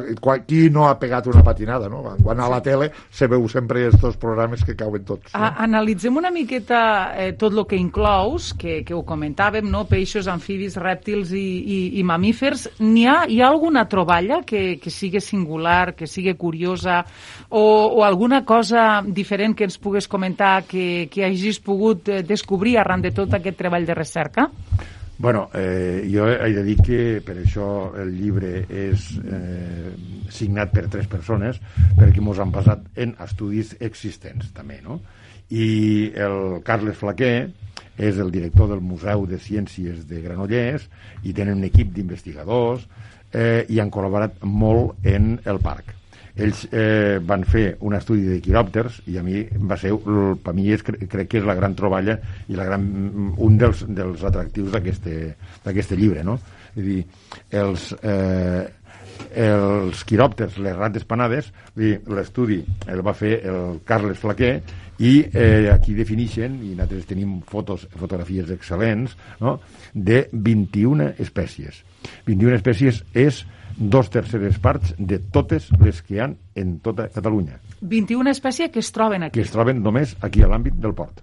Per tant, vol dir, eh, és d'una riquesa de, de, de diversitat d'espècies perquè doncs, uns viuen en coves, els altres viuen eh, a, a les escorces de, dels arbres, n'hi ha que viuen penjats eh, a, a dins de la cova, n'hi ha que viuen a les esquerdes de les roques, no? n'hi ha que viuen als arbres. Eh, claro, eh, aquí hi ha de tot, no? En zones més humides, zones més eh, solejades, etc. I llavors eh, ells mateixos no ho sabien i es van quedar sorpresos d'això. I, clar, el, el redactat dels continguts d'aquest de, apartat el va fer ell. L'altra cosa seria eh, un caracteritzat eh, herpetòleg. Eh, el Fèlix Amat, el tercer eh, autor d'aquí... Herpetòleg què és, herpetòleg? Eh, un herpetòleg és el que estudia els eh, rèptils Vale? Els rèptils és la herpetologia en, en llenguatge científic, no? I clar, doncs és un, no és un reptilòleg, és un herpetòleg, no? Eh, I ell pues, ha, ha, ha analitzat, és a dir, ha buscat, i ha investigat i ha trobat i ha, i ha descrit eh, tots els amfibis i eh, tots els, els rèptils que també surten aquí, aquí al llibre. Diria que, a veure, alguna, alguna característica important pues, eh, hi ha unes, un, un dragonet o esgarrarrobes, no? aquí coneixem les esgarrarrobes o, o dragó, a dragó o menjarrobes que, sí. que se li diu, i n'hi ha un altre que només viu a les, part, a les parts baixes però que és molt singular que és el dragó rosat és més menudet, és més rosadet eh, però bueno, pues, també, també existeix és un, és un exemple eh, altre seria pues, eh, els diversos tipus de, de, de serps. I sobretot el que fem en el tema de les serps, dels ofidis, que se, se n'els diu, eh, és mm, desvincular-los d'aquesta tradició de dir estos són bitxos rubins que, que només fan mal i tal, vull dir, són, eh, eh mengen eh, mm, ratetes, ratolinets, eh, insectes, no? És a dir, són caçadors i també contribueixen pues, a, a, a l'evolució normal, no? a, a evitar que hi hagi massa eh, per exemple, massa ratolins al, a la muntanya, no? que serien perjudicials per als conreus. I, i només n'hi ha un que és eh, verinós, però tampoc no és mortal, salvo que un tingui moltes, moltes patologies prèvies, no? Eh, que és l'escursor. La resta, ho diem, eh, n'hi ha que, te, que tenen verí, però que és molt difícil que el puguin inocular, perquè haurien de, de clavar-te molt fondo les, les, les, les seues dents, eh, i la majoria no tenen, no tenen verí. De fet, abans ho parlàvem, perquè jo dic, no n'he vist mai d'escursor de prop, no? I, I tu em comentaves que té una característica molt especial al sí, seu morro, no? Sí. Bueno, són, la característica, eh, jo diria que són tres són com a regordets i, i, i curts, no? De dir, les, les serps solen ser pues, llargues i te fan 80, 90, 100, 2 metres de llarg, no? Eh, aquests no passen dels 60, no? Eh, L'altra característica és que tenen una siga-saga marcada, de dir, és un, és un gris fosc, no? Que, mm, que es veu perfectament, no? I la tercera és que el morrer... Bueno, a part de que tenen l'ullet, que no totes, eh, en, en una, eh, una nineta com la de gat, no? és a dir, és eh, així vertical i... Bueno, Víctor, però això perquè vosaltres ho heu pogut veure de molt de prop, però no. un que està al, al no, bosc no... Bueno, no claro, si, si un diu, eh, aquí es maneja alguna cosa i surts corrents, no? Però si, si no ets tan eh, així eh, de reaccions ràpides i dius, escolta, a veure, eh, centrem-nos, no? I ahir mateix a la, a la presentació eh, bueno, l'altre dia en feia, ne feia un, eh, un anàlisi dir, pues, tens una serp que és activa, que es mou molt de pressa i tal, però que és mm, inocua, no, no, no fa res no? Eh, no s'assembla perquè no té la siga-saga perquè té una, és com una espècie d'escala que, se, que té a, a damunt l'esquena i no té verí. No? Llavors, el que has de mirar són aquestes característiques. I esta, la última característica que diem és que és la única que té com el morret aixecat. És dir, té, té eh, el nas arromangat. Mireu, eh, fa uns dies, la setmana passada, eh, es va presentar el llibre a, a Roquetes. Suposo que ara estireu de torner, en, entre cometes, perquè també tot depèn una mica de com vagi avançant aquesta situació, no? Heu d'anar fer més presentacions del llibre. Sí, sí, sí, eh, però Víctor serà el que les haurà de fer. Sí, Com home, molt jo l'acompanyaré si convé, no? Sí, sí.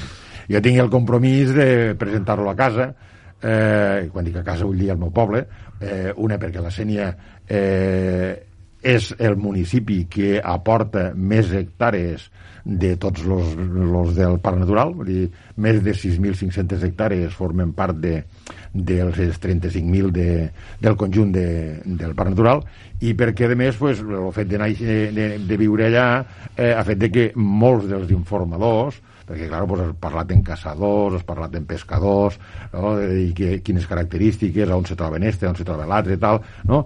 I en, i en veterans que poden contar anècdotes bastant, bastant singulars, no?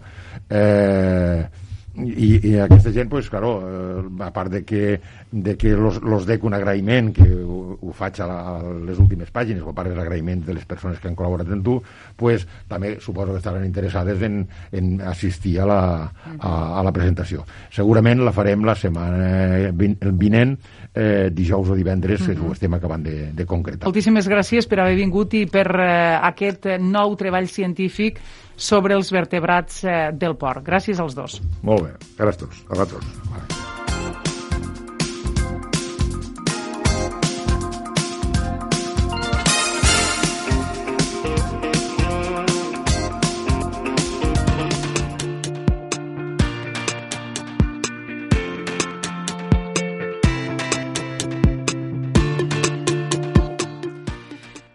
De la tarda, gairebé 33 minuts. Nosaltres, a l'Aldia Terres de l'Ebre, ens ocupem ara de la secció d'educació. La nostra companya Sara Hernández ens apropa avui al joc simbòlic. Alina Mijoc és propietària del Comunicart Play and Family, un espai situat a Tortosa on els xiquets i xiquetes juguen i aprenen. Un espai, però, que també està adreçat als pares amb tallers i formacions. Endavant, Sara.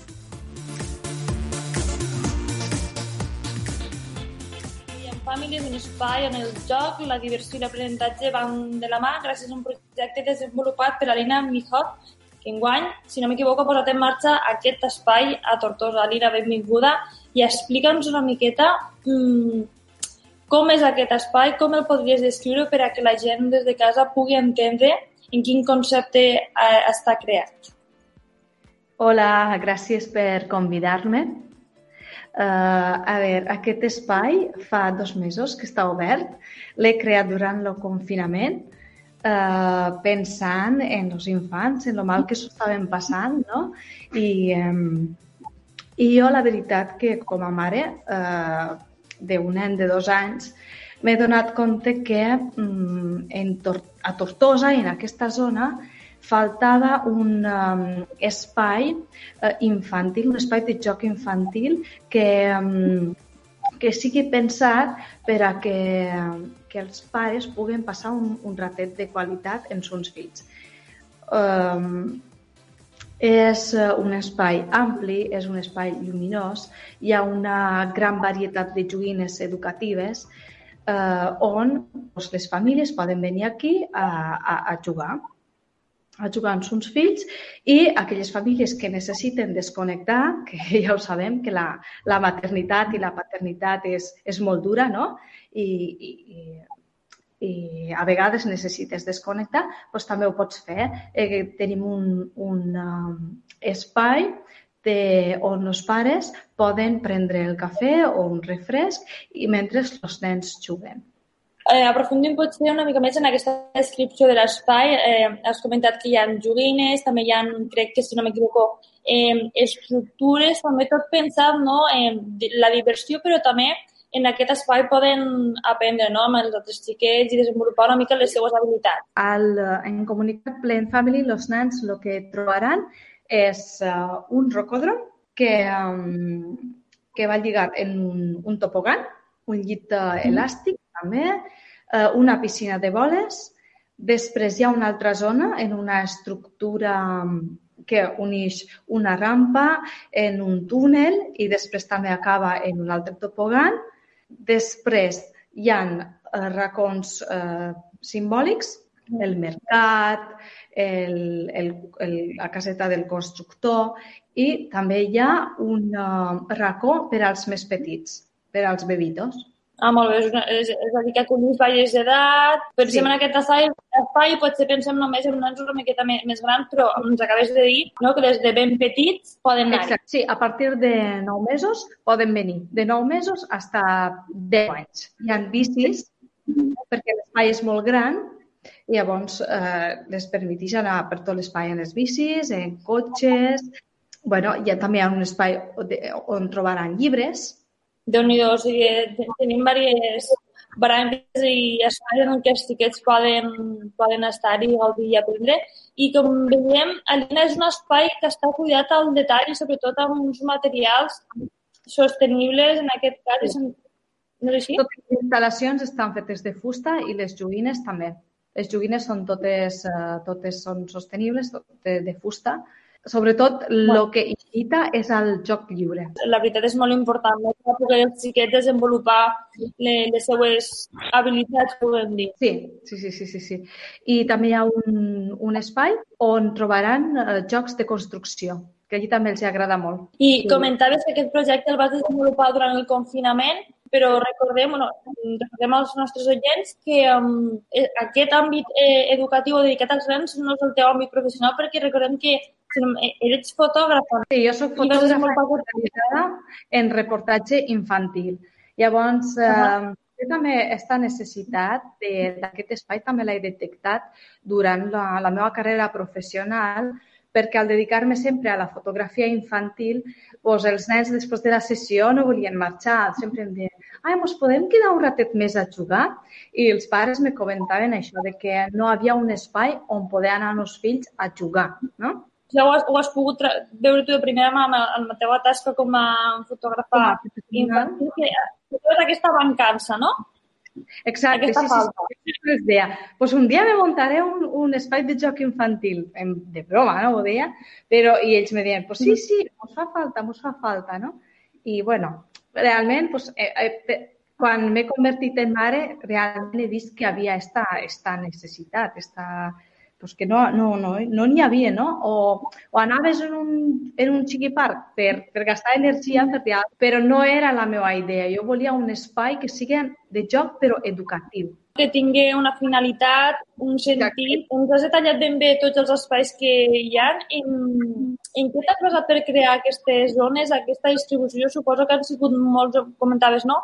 Molta, mesos d'investigar, de, de poder eh, no? de, de contactar amb professionals que et puguen una miqueta orientar, com deies, no? amb aquest joc educatiu.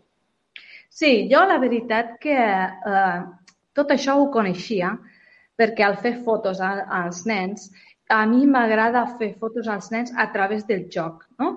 Llavors jo coneixia totes les, eh, totes aquestes etapes de desenvolupament no? de l'infant a través del joc. Perquè jo a través del joc estimulo els infants i a través del joc les estava fent les fotos. I per tant, o sigui, jo ja, ja ho tenia clar, el que tenia que fer per a cada edat i, i ja està. I sabia que tenia que haver joc més tranquil, joc de creació, joc de gastar energia, no? Perquè ell, el que més m'agrada d'aquest espai, que de cop estan saltant, però després els veus allí a l'espai de llibres, estan tranquil·lets i, i van, van passejant per tot l'espai i no s'avorreixen, no? O no és que sempre volen saltar o no és que sempre volen anar en bicicleta, no? També busquen eh, el joc tranquil o el joc de creació. I en aquest sentit parlàvem d'aquestes zones de joc, però comunicar Play and Family no és només aquest espai de, de joc, sinó que també s'imparteixen tallers i formacions. Com dèiem anteriorment, és un espai tant per a xiquets com en aquest cas per a adults, perquè també poden interactuar amb aquests tallers i formacions. No? Com, com està plantejat esta, esta part? A veure, jo, espai de joc com a espai de joc, m'encanta, però jo crec que eh, els nens i les famílies no pot ser. O sigui, no, tot, tot va lligat, no? Els nens i la família. Eh, llavors, eh, jo crec que si nosaltres com a pares estem bé i els podem transmetre valors als nostres fills, els nostres fills estaran bé, no? I d'aquí partix tota, mm, tot aquest concepte, no? Jo, a través de l'espai, vull ajudar a, a les famílies a poder gestionar millor la vida, mm, la vida quotidiana no? de, de, de les famílies, no? perquè de cop tenim un munt de dubtes. No? Pues, com gestionem una rabieta? En la bimaternitat, per exemple, no? pues, com gestionem els cels entre germans? I, I de cop penso un munt de problemes. No? Sí, que molts cops, eh, no, no es, molts cops no es dona a conèixer, no se'n parla i és quan, com sorgeixen els dubtes. Eh, quina ha estat la resposta per part de, dels pares d'aquests tallers i d'aquestes formacions? Molt bé, molt bé. Jo, eh, a més dels tallers que ofereixo a l'espai, també faig entrevistes online amb professionals per als pares que no disposen de tant de temps que ho puguen, que ho puguen mirar. Eh, sempre s'aprèn moltíssim. Lo que, el feedback que rebo és que, que han après molt, no? És, és obrir una miqueta la mirada, no? Perquè a vegades, si tu tens pautes, si els professionals te donen, te donen les pautes correctes, tu pots gestionar millor el, el teu dia a dia. És a dir, si és donar eines, no? eh, eines per poder tractar aquests bueno, problemes, aquests reptes que, poden, que pot plantejar la maternitat, paternitat, Eh, també hem vist que um, hi ha alguns professionals han col·laborat eh, amb tu, comentaves aquestes, eh, aquestes conferències, aquestes videotrucades. Eh, de quin àmbit o de quin sector estan col·laborant? Suposo que aniràs tocant diversos pals per, a, no? per poder apropar diverses qüestions. bueno, tot és en l'àmbit de la família i de l'educació, o sigui, de l'educació sobretot emocional. A mi, en quant a les famílies, m'agrada molt l'educació emocional, no? Eh, de, de saber gestionar les nostres emocions. Perquè si nosaltres com a adults sabem gestionar les nostres emocions, podrem transmetre millor eh, eh, la informació als nostres fills, no?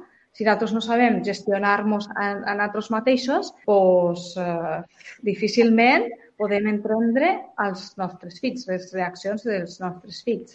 Clar, en aquest cas és un treball, és una reeducació, pot ser en, aquesta, en aquest doble canal de eh, pares, mares, fills, aquesta educació d'entendre sí. les emocions, gestionar-les per poder educar i transmetre valors als fills. Exacte. I entès, seguint amb aquesta dinàmica, amb, aquest àmbit educatiu, de formació i tallers, com comentàvem, quines són les necessitats que tu has pogut detectar de, de les famílies amb xiquets petits? Sobretot, com dèiem, en aquesta època de, de Covid, de confinament, que segurament ha sigut complicada per als adults, però potser més encara per, a, per als nens. I, i en aquest sentit, com pot ajudar aquest centre i la tasca que desenvolupes paral·lelament amb, aquest, eh, amb aquesta formació, tallers i demés? Sobretot, el que he detectat és que les famílies el que necessiten ara mateix és desconnectar. ¿vale? Desconnectar de eh, la rutina que tenen a casa. Perquè a l'estar confinades, les famílies han passat molt, molt, molt de temps juntament amb, amb els fills, no? Mm -hmm. I, claro, tu, com a mare, com a pare, també necessites tenir el teu temps. Llavors jo m'he donat compte que moltes famílies m'ho agraïen, en plan, que bé que puc estar mm, aquí 10 minuts i mon fill és feliç jugant i jo puc desconnectar, no? Pues això també m'ha agradat, no? O sigui, l'espai te convida tant a passar mm, ratets de qualitat amb ton fill, si tu ho necessites, com desconnectar, poder desconnectar, no? Perquè tu veus que, bueno, moltes vegades no, a casa, què mos passa als pares? Que, que els fills m'ho sol·liciten molt, no? Pues vinga, a jugar amb mi, vinga. I tens, bueno, pues, tens les tarees domèstiques, pues tens la feina, tens, bueno, coses. Extraordinàriament. No, exacte. A vegades no li pots dedicar aquest temps de qualitat i, i, i, bueno, i te sents culpable, no? Llavors, tu quan vens aquí a l'espai, què passa? Tu de cop veus que ton fill no, no et necessita tant. O sigui, necessita si tu li vols donar el teu temps, no? Però ara no és aquella necessitat que té a casa, no? perquè l'espai per si, per l'oferta de, de, de, educativa que té no? a través de les joguines, el, el nen és feliç, o sigui, ell ja sol pot anar per tots els racons i, i, i troba solució a, a, a la seva necessitat de jugar, no?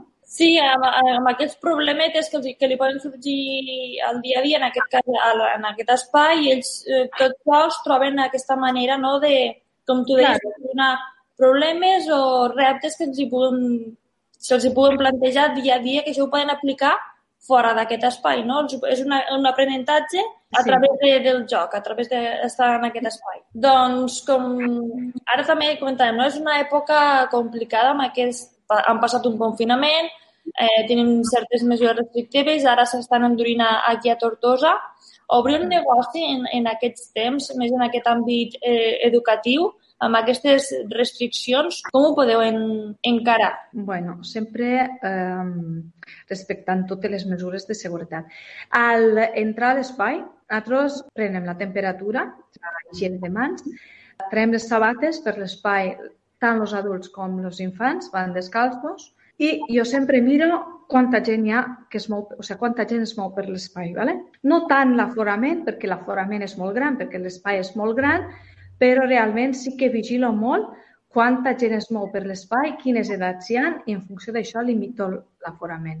Sempre els, els, els dic a les famílies que, sobretot, el més important és la salut. Per exemple, en un dissabte mm, hi ha molta gent, però per per molt que vulguin entrar, jo si veig que no es pot entrar, no deixaré entrar, saps? Si jo veig que hi ha algun perill, no es fa. I també hem, hem organitzat diverses activitats i també amb una màxima seguretat, sempre respectant les distàncies d'un mm. metre entre, entre nen i nen. I bueno, perfectament, o sigui, hem, hem pogut fer concerts, hem pogut portar a Damaris Gilasbert, hem pogut portar al Payaso Muniato i cap problema però pues, ha unes condicions concretes, s'han de respectar unes mesures. Clar, tot seguint aquestes, aquestes recomanacions. Doncs, Alina, eh, moltíssimes gràcies per apropar-nos i explicar-nos aquest espai de comunicar Play and Family, un lloc on, aquest, eh, on el joc, la diversió i l'aprenentatge hem vist que va perfectament de la mà i pot ajudar els xiquets a aprendre coses, com dèiem, no? resoldre aquests reptes, aquestes qüestions a través del joc i que després poden aplicar el seu dia a dia i també donar suport a les famílies en aquesta criança. Moltíssimes gràcies, Alina, per, per estar en aquest espai. Moltíssimes gràcies a tu.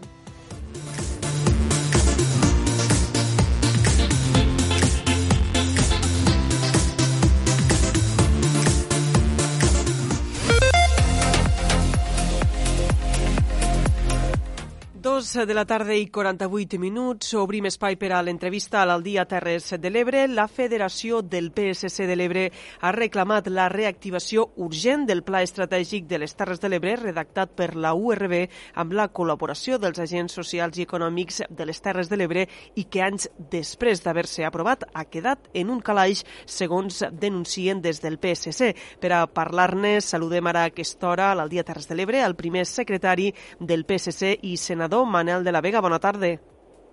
Bona tarda. Eh, com dèiem, des del PSC heu reclamat esta reactivació urgent del Pla Estratègic de les Terres de l'Ebre per a generar nova activitat econòmica al territori.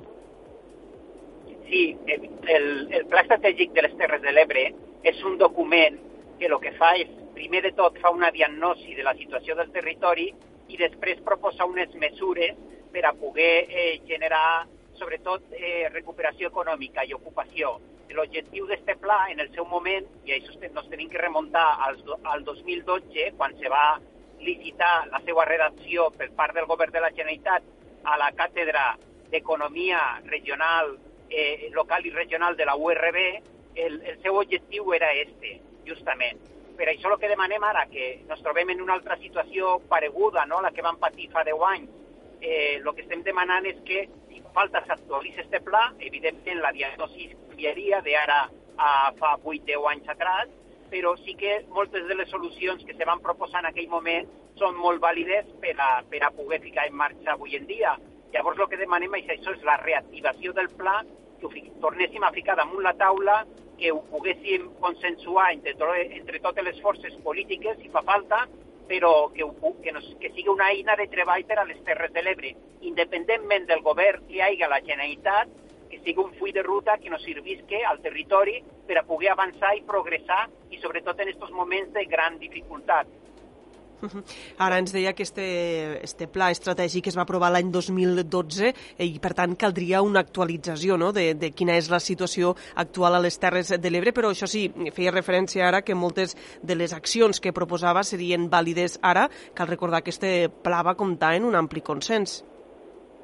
E, evidentment, mira, eh, per a fer una mica d'història, sense entrar a, a, a valorar-ho tot eh, de manera molt consciençuda, s'ha de recordar que el 2010 se va aprovar el que era el pla eh, territorial. Eh? El pla uh -huh. territorial de la Generalitat lo que, lo que feia en certa manera era fer com una ordenació urbanística no? de per a on tindria que anar el desdoblament de l'Eix de l'Ebre, eh, quin era el traçat de la SET, etc. No? Era un pla en aquest sentit. Llavors tenia tot el sentit que posteriorment a l'aprovació d'aquest pla territorial se fes un pla estratègic. No? Ja, ja, ja teníem les eines urbanístiques, per dir d'alguna manera, per a crear aquestes grans infraestructures, i ara el que ens faltava era una estratègia clara, no?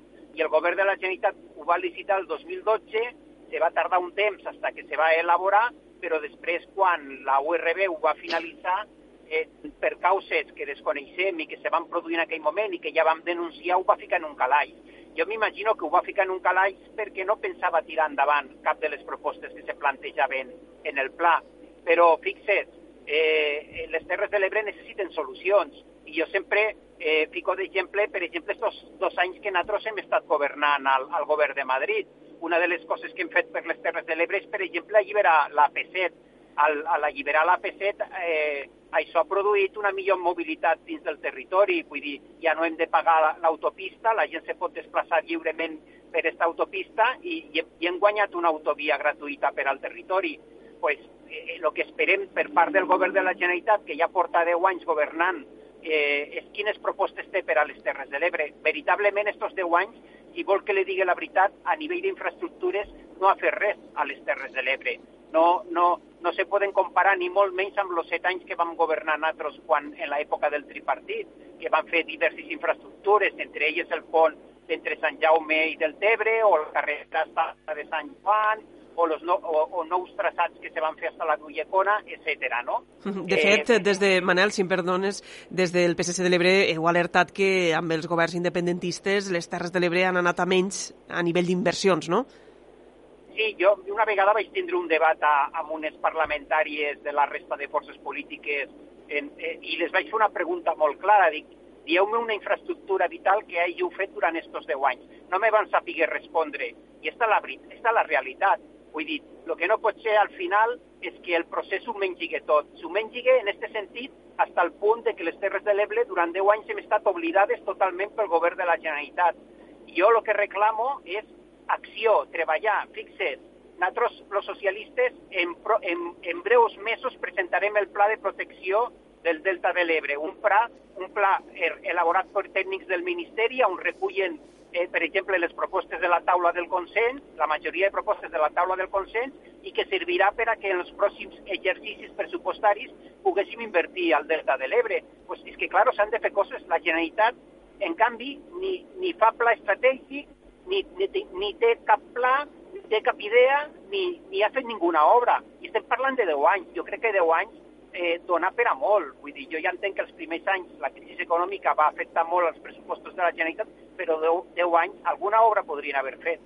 Ara feia referència al pla de protecció del Delta de l'Ebre, ens comentava que ja està treballant el Ministeri, en tot cas s'havia dit que es presentaria a finals d'octubre, ara vostè ens parlava de se presentarà en els pròxims mesos. No sé si tenen clar el calendari en què es presentarà este pla de protecció del Delta jo crec que no se va dir en, en cap moment que se presentaria a octubre, se va dir que se presentaria a final d'any. Sempre s'ha dit aquestes dates.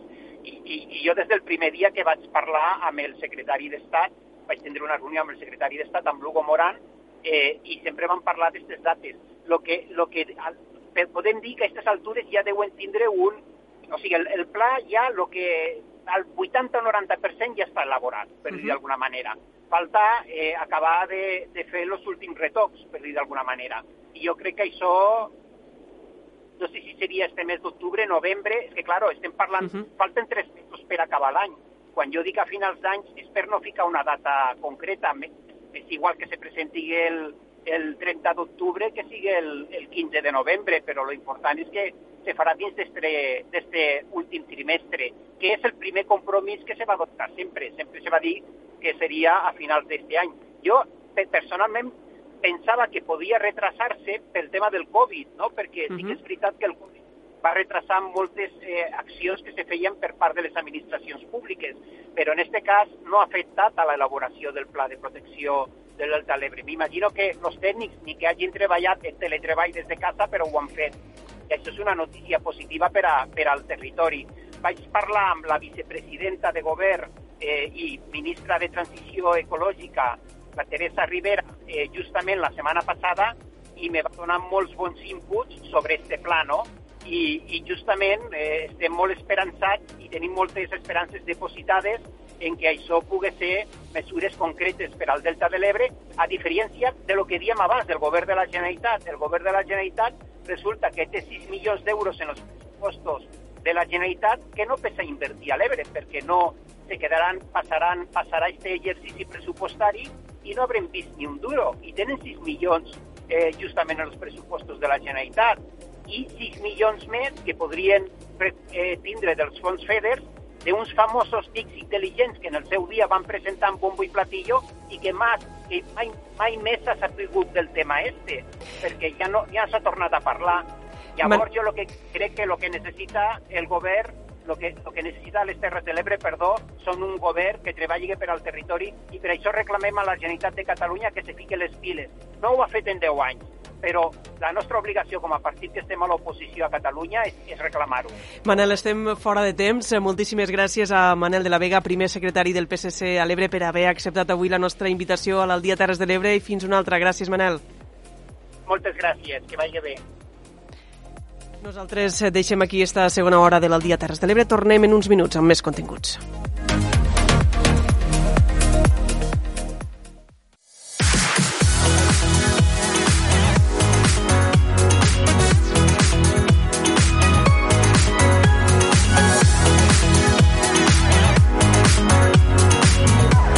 Dia Terres de l'Ebre, amb Leonor Bertomeu.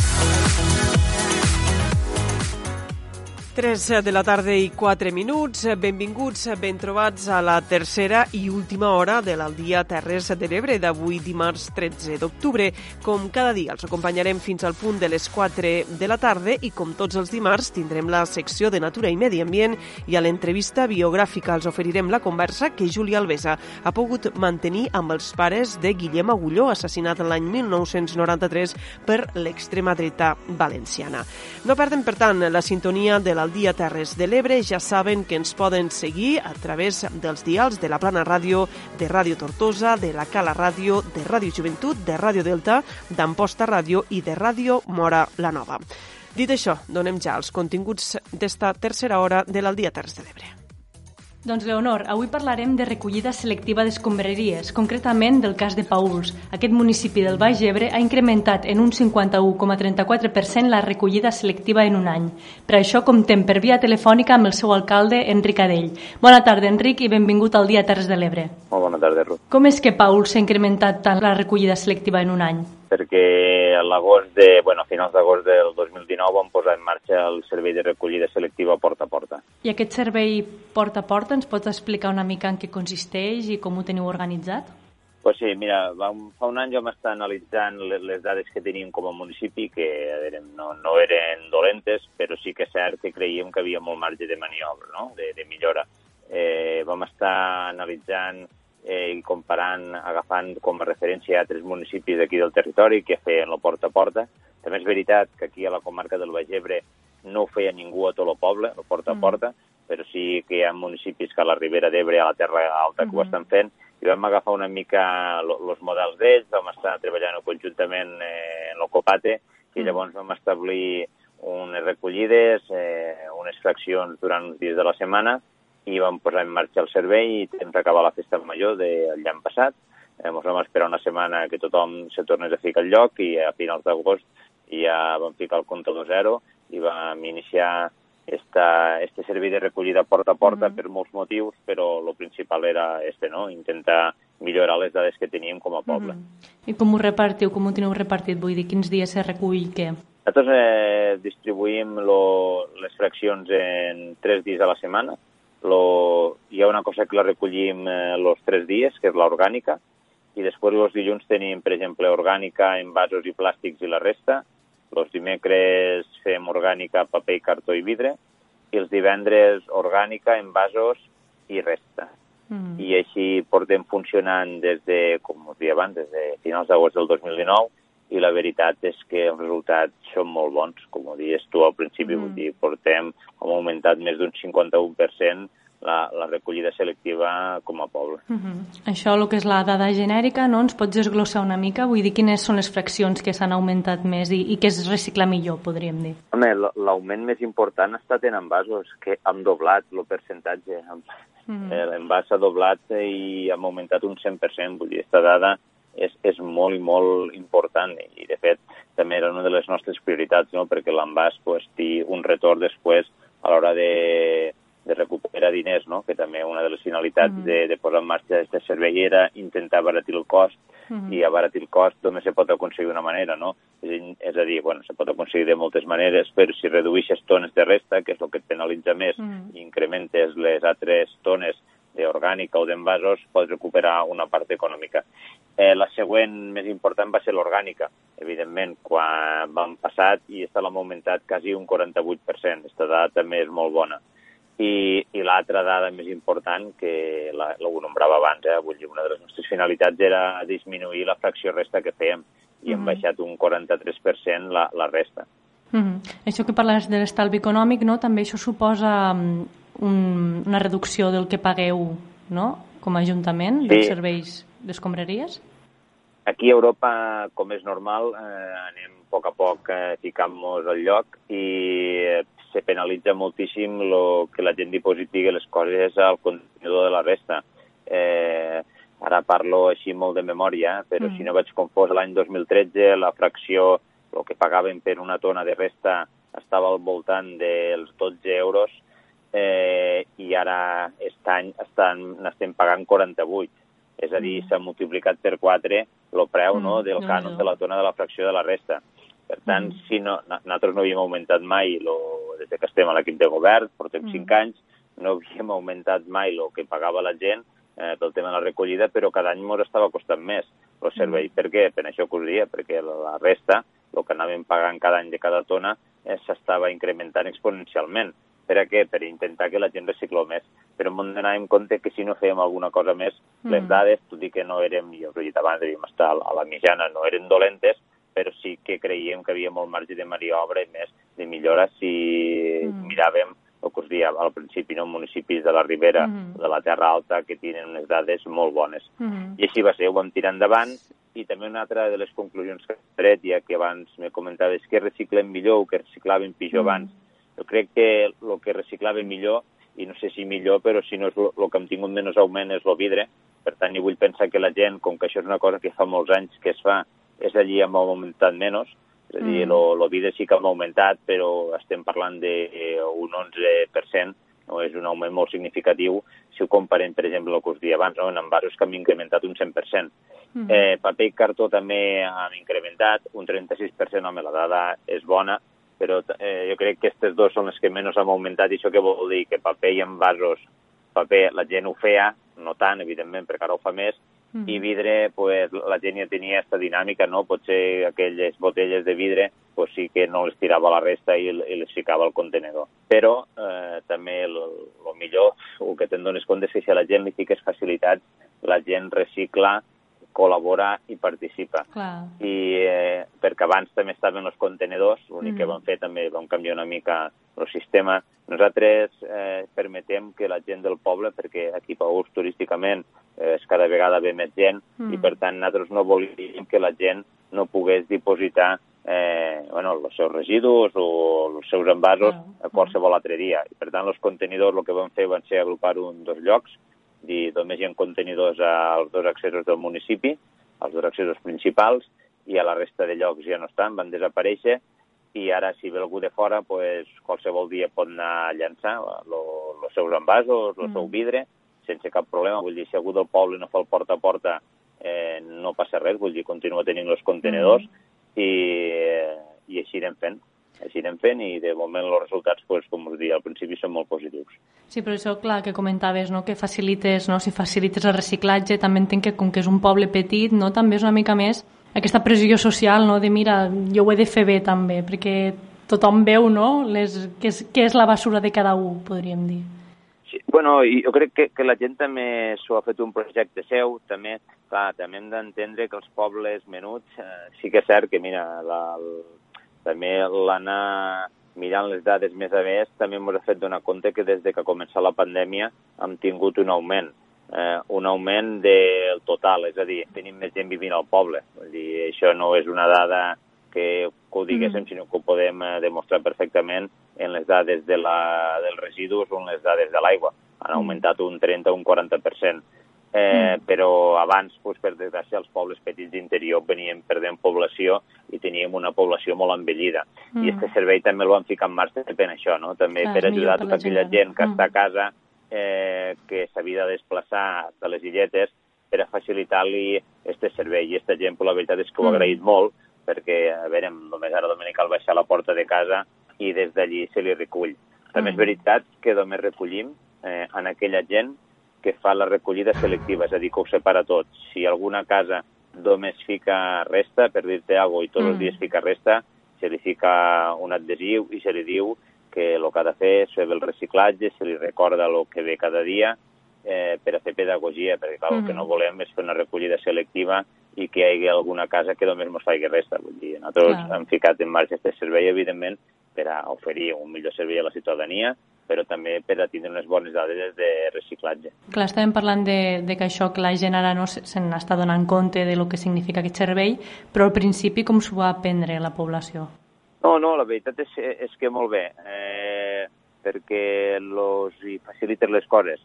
Vull dir, la gent que ja ho venia fent eh, pel seu compte i que venia reciclant, vull dir, que, que havia mm. molta gent que ho feia, pues jo suposo que aquella gent ha continuat fent les seues dinàmiques i l'altre al principi li va costar una mica, pues perquè les primeres setmanes sí que havíem d'anar recordant això va aquí, això va allà, vam fer uns folletons informatius per a que la mm. gent tingués eh, una imatge així molt ràpida del que va cada contenedor, eh, però ara que ja l'han ficat en marxa, ja et dic, ja portem una bona rutina, sí que hi ha alguna vegada o alguna setmana pues, que algú es pot despistar o algun dia, mm. en dilluns igual trau paper quan no toca, els dimecres té ficant vasos, però bueno, o la persona, el personal de la brigada que està fent el servei li recorda o li fica un adhesiu i li diu no, això no toca avui, toca el divendres. Mm -hmm. I, I a poc a poc anar, anar perfeccionant aquest servei. Abans parlaves de que us havíeu inspirat en altres pobles, no? Crec que a nivell de Baix Ebre és l'únic poble, Pauls, de moment que feu la recollida porta a porta, pot ser? Eh, vam ser l'únic que vam començar l'any passat a tot el poble.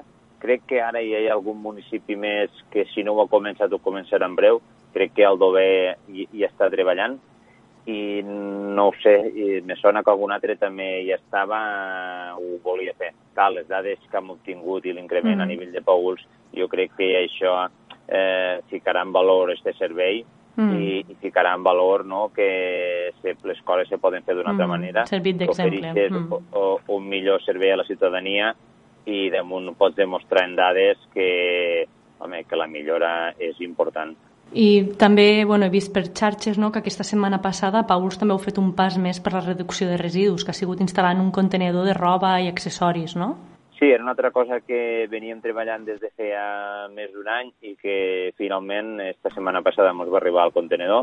Eh, estem contents també pel mateix que diem abans, no? Esta voluntat no, de reaprofitar totes les coses, d'intentar fer no, esta economia circular, de tancar el cercle, uh -huh. i que allò que no utilitzem o que un creu que no s'ho ficarà més, pues, que es pugui ficar en este contenedor i que hi ha una gent detrás treballant i això també ajuda no, a un col·lectiu eh, moltes vegades vulnerable, eh, ajudés també a generar ocupació i llocs de treball. I sobretot per reaprofitar, perquè este model que veníem portant estos anys, ara potser en la pandèmia tot s'ha accelerat i ens ha canviat de cop, ha sigut un xoc, no? Però el model mm que veníem portant estos anys era insostenible i, per tant, havíem de començar ja a treballar cap a un canvi eh, pel canvi climàtic, que mm -hmm. és una realitat, vull dir, no és allò que, que parlàvem, ens explicaven mm -hmm. i no veiem, vull dir, és una realitat i, per tant, hem de ficar tots la, de la nostra part, perquè si no això encara anirà més ràpid del que va.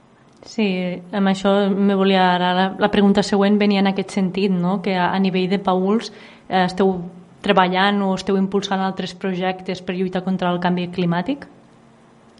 Sí, la veritat, a veure, som un poblet menut i els recursos que tenim són molt limitats, vull dir, damunt tenim un endeutament molt gran i això fa que ens costi molt podem tirar endavant projectes importants però sí que en breu esperem anunciar un projecte ambiciós aquí a la zona educativa, a les escoles, però que també afecta tot l'espai i aquí també ja instal·larem, la idea és ficar plaques fotovoltaiques al sostre de l'edifici eh, una important eh, quantitat de potència per a que no tan sols eh, alimentéssim l'escola, sinó que des d'aquí també poguéssim alimentar en aquells extents o en aquella llum que no es consumirà a l'escola la resta de municipis o equipaments de, de l'Ajuntament. Eh, és un pas endavant no, també per estar consumir aquesta energia de quilòmetre zero, és a dir, nosaltres mateixos intentar ser autosuficients, eh, no dependre de les grans companyies i també crec que, eh, per sort o per desgràcia, tenim molt de sol, ojalà tinguéssim més aigua perquè darrerament no plou molt, però el sol este l'hem d'aprofitar i per tant si podem eh, generar energia i els nostres edificis eh, poder-se abastir d'aquesta energia que generem a través de les plaques serà genial i et dic, i també eh, per a nosaltres és significatiu que el primer edifici del poble que sí que en aquestes plaques és l'escola perquè mm. creiem que des de la base, des d'aquest futur, no? des d'aquesta gent jove que tenim al poble, és aquella que més ho ha de creure aquestes coses mm. i més ha d'apretar per a que ja no afluixi ningú i que tothom Clar. faci el possible per a revertir I, o per a mm. mitigar aquest canvi I seran, seran ells més perjudicats també. Bueno, clar, és que mm -hmm. si, si tenim tot sort i per llei de vida, ells seran els que estaran més anys. Eh? Per tant, mm -hmm. eh, han de fer tot el possible i això crec que no és perquè sí que el primer edifici que haguéssim començat sigui l'escola. Vull dir, també ha sigut una cosa buscada eh, per això mateix. -hmm. Doncs, sí, el simbolisme que significa allí en el primer edifici mm -hmm. municipal de Pauls serà les escoles. I a la llarga teniu pensat instaurar també alguna altra instal·lació municipal? Sí, intentarem treballar per instal·lar-lo o al casal o a l'Ajuntament, intentarem ficar-ne alguna més pel, per a, pel que dia abans, eh, per intentar que tots els edificis se puguen abastir eh, d'aquestes plaques i així no dependre de les grans companyies i sobretot també pues, que, perquè si hi ha accidents i mai alguna família o, o necessita també que poguéssim ajudar aquestes famílies més en risc, eh, va haver un canvi de normativa i per tant ara la llum se pot distribuir a 500 metres de radi, esperem que eh, s'ampliï, però a dia d'avui a 500 metres de radi eh, ens permet abastir a tot el municipi. Per tant, això ens donaria un marge molt important i crec que alguna inversió més en aquest sentit intentarem fer en aquest mandat i si no una altra cosa també de les que farem i més que res pel tema dels combustibles fòssils és ficar un punt de càrrega de vehicles elèctrics, això també intentarem que sigui mm -hmm. este 2020 o com a molt tardar a principis del 21 també ja no, per anar fent este canvi eh, mm. del que mos ve. Dir, el gasoi eh, és, una, és un combustible que hem d'anar eliminant i per tant mm. s'han de buscar alternatives i aquí a Pauls volem tindre un punt de càrrega elèctric. Mm. I a nivell de conscienciació també teniu pensat fer alguna campanya a nivell d'Ajuntament o continuar sent Bueno, vam començar esta, mm. aquest dia abans lo porta a porta. La idea en guany era continuar-ne fent, anem fent alguna per a recordar el tema de la, de la recollida.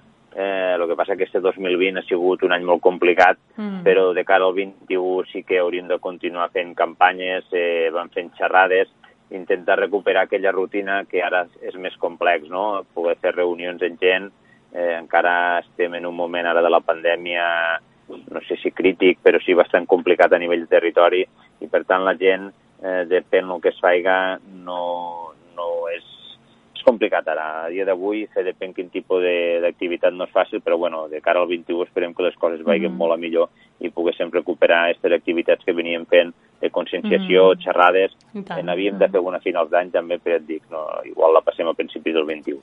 No, no, a poc a poc. Abans deies això de no, com que som un poble petit, però bueno, igualment eh, un dels eslògans de l'ecologisme, del moviment ecologista, ha sigut, sempre ha sigut bueno, pensa globalment i actuar localment, no? Quines oportunitats creus que com a poble petit mm, pot, do, pot donar per la lluita aquesta contra l'emergència climàtica? bueno, eh, el, el que has nombrat és el millor exemple. Si tots fiquem mm -hmm. la nostra part, segurament això es farà molt gran. És a dir, si tots fiquem el nostre granet d'arena, si anem sumant granets d'arena, eh, la muntanya serà molt gran. Eh, I, per tant, el que hem de fer és treballar, evidentment, nosaltres mm. treballem de baix, però si tothom treballa des de baix, això arribarà molt mm. amunt.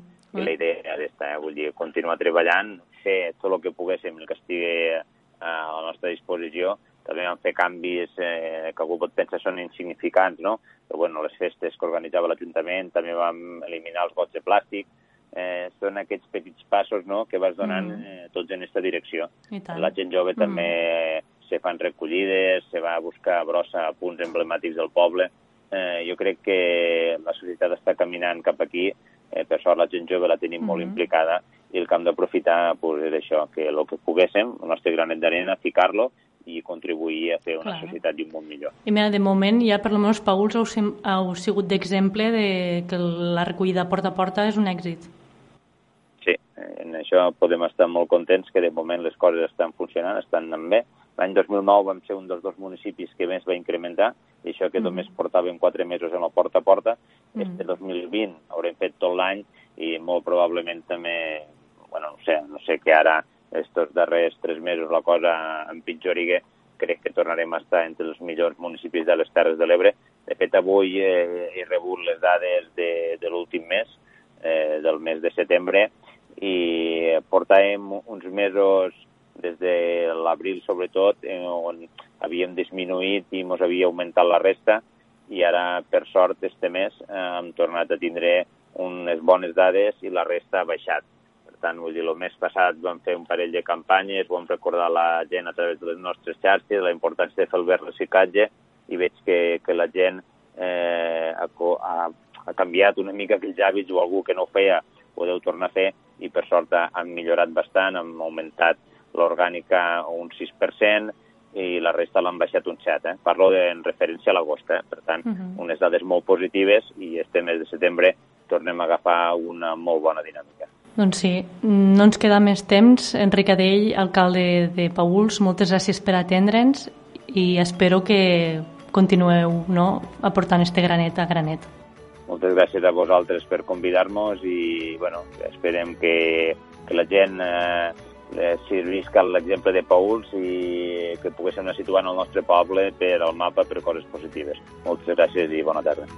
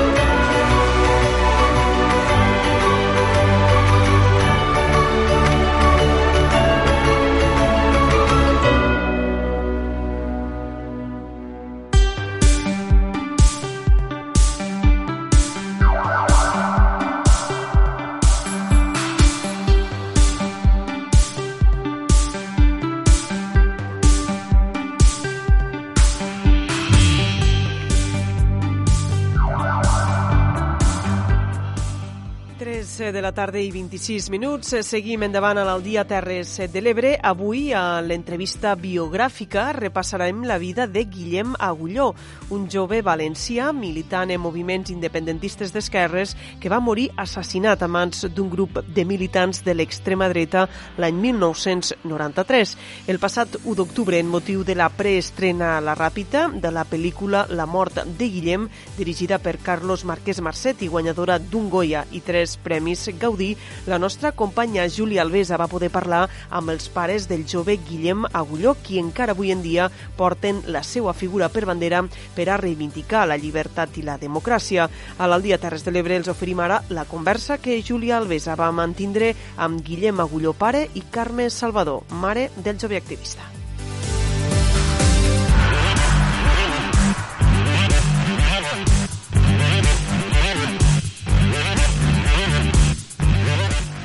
La matinada de l'11 d'abril de 1993, un grup de militants de l'extrema dreta va assassinar a Guillem Agulló, un jove de Bursajot, València, que creia en la independència, la llibertat, el moviment antiracista i antifeixista.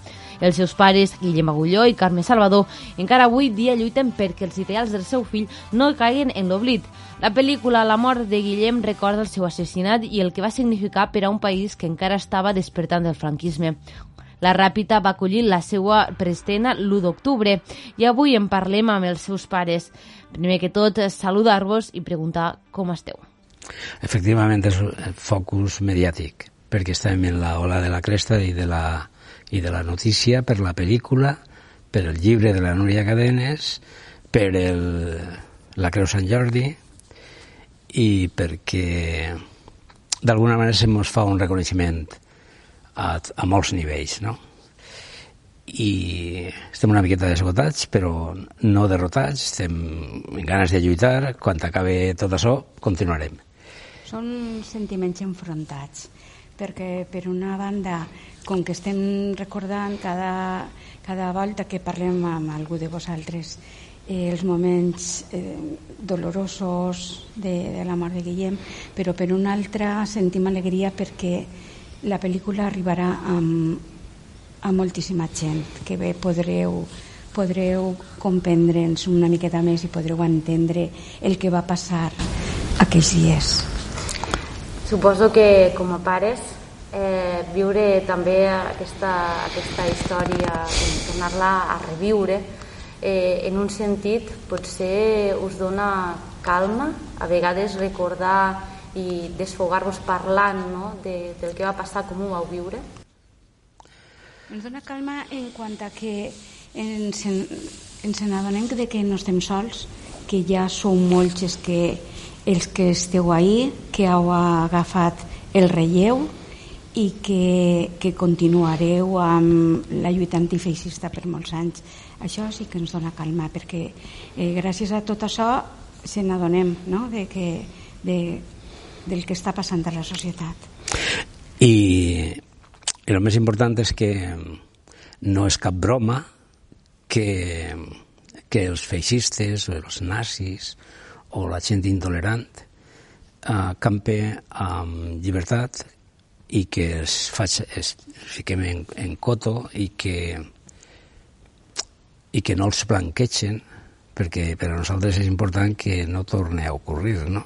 Sabem que, que a Catalunya estan activats ara per tot el, la qüestió del procés i la i bueno, estan criminalitzant els independentistes igual que criminalitzaren a Guillem.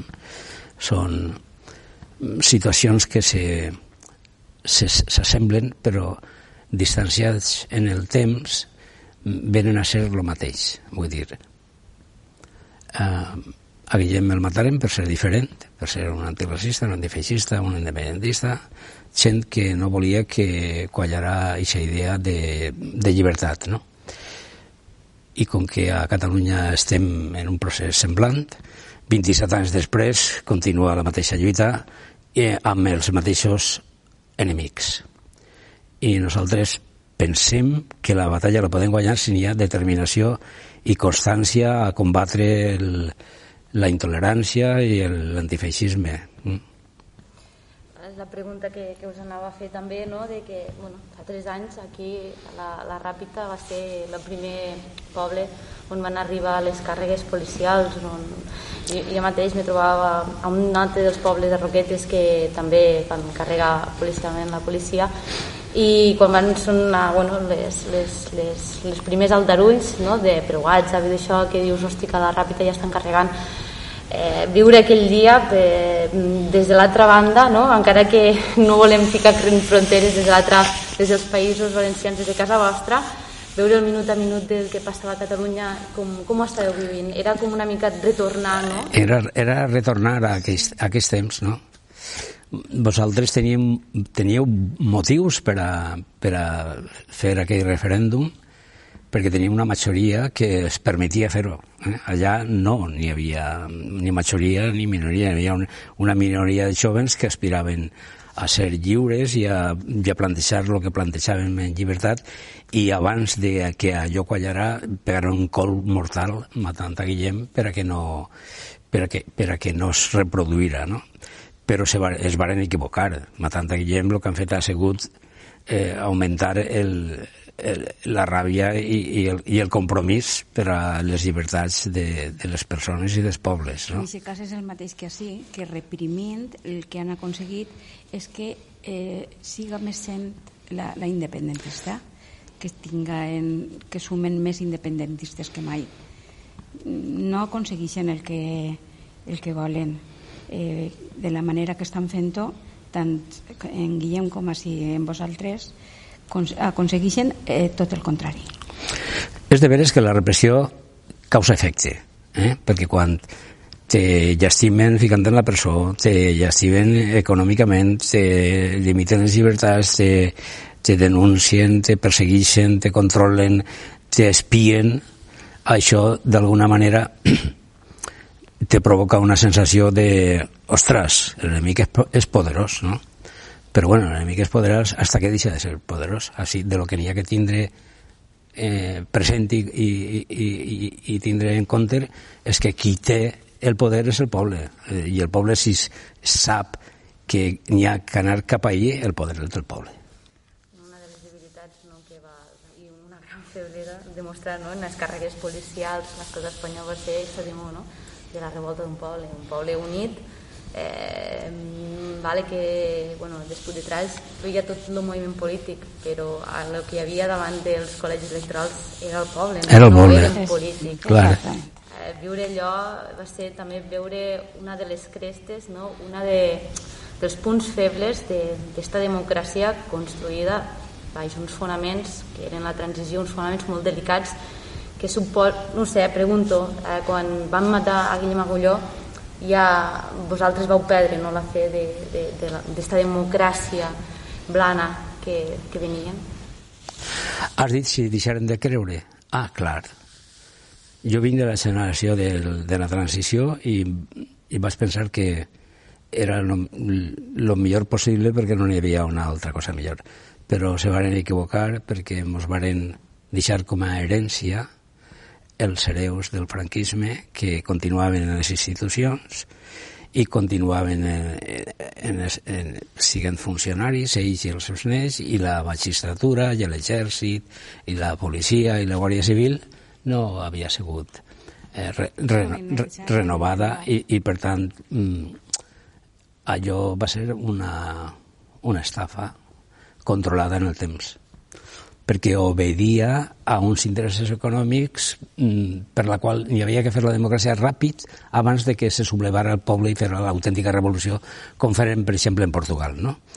I així Franco morir al llit i, i, i, i diuen que i diuen que Espanya era espe, especial, no? Dien els franquistes, hemos sido capaces de pactar una transición pacífica y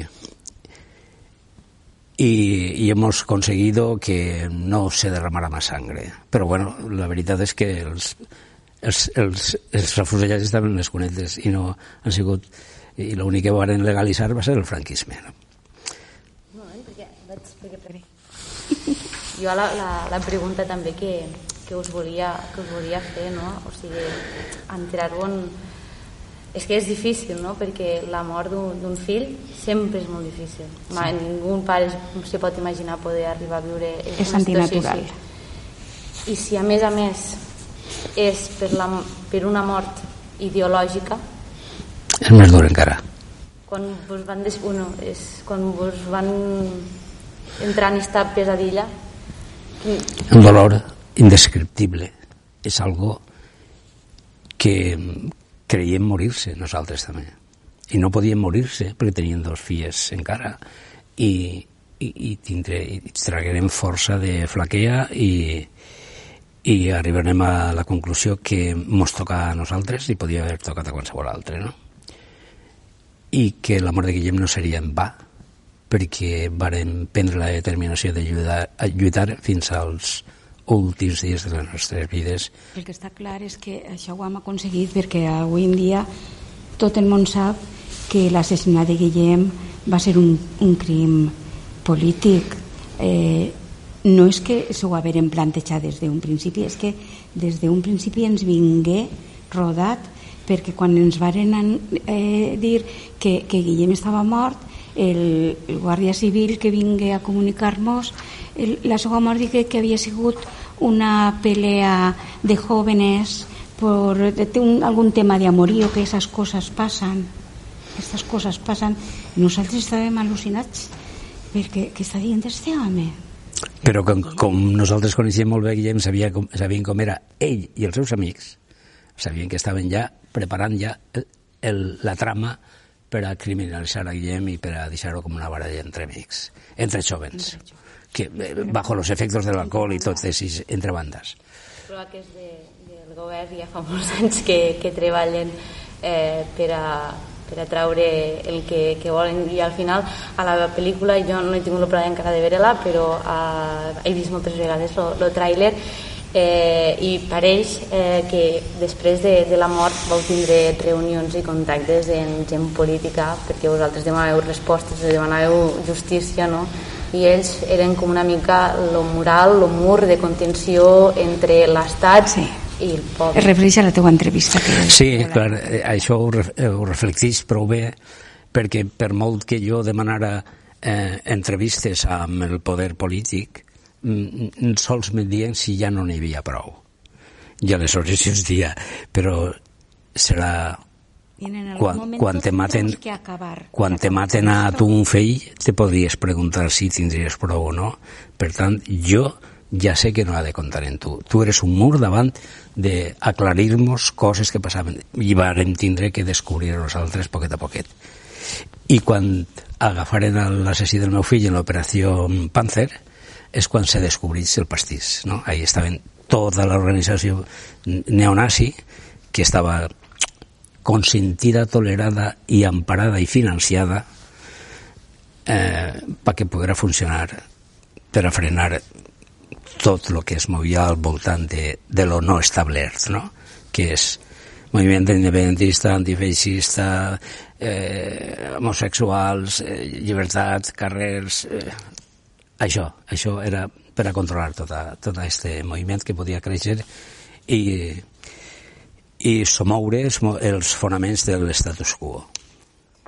Dic, i, i, de 27 anys de, de, de viure, no? De, de, una nova vida, si, si ho podem dir així. Punt i a part. Un punt i a part en la vostra vida. Eh, sentiu que heu anat avançant, eh, heu, heu anat eh, guanyant batalles en aquests 27 anys?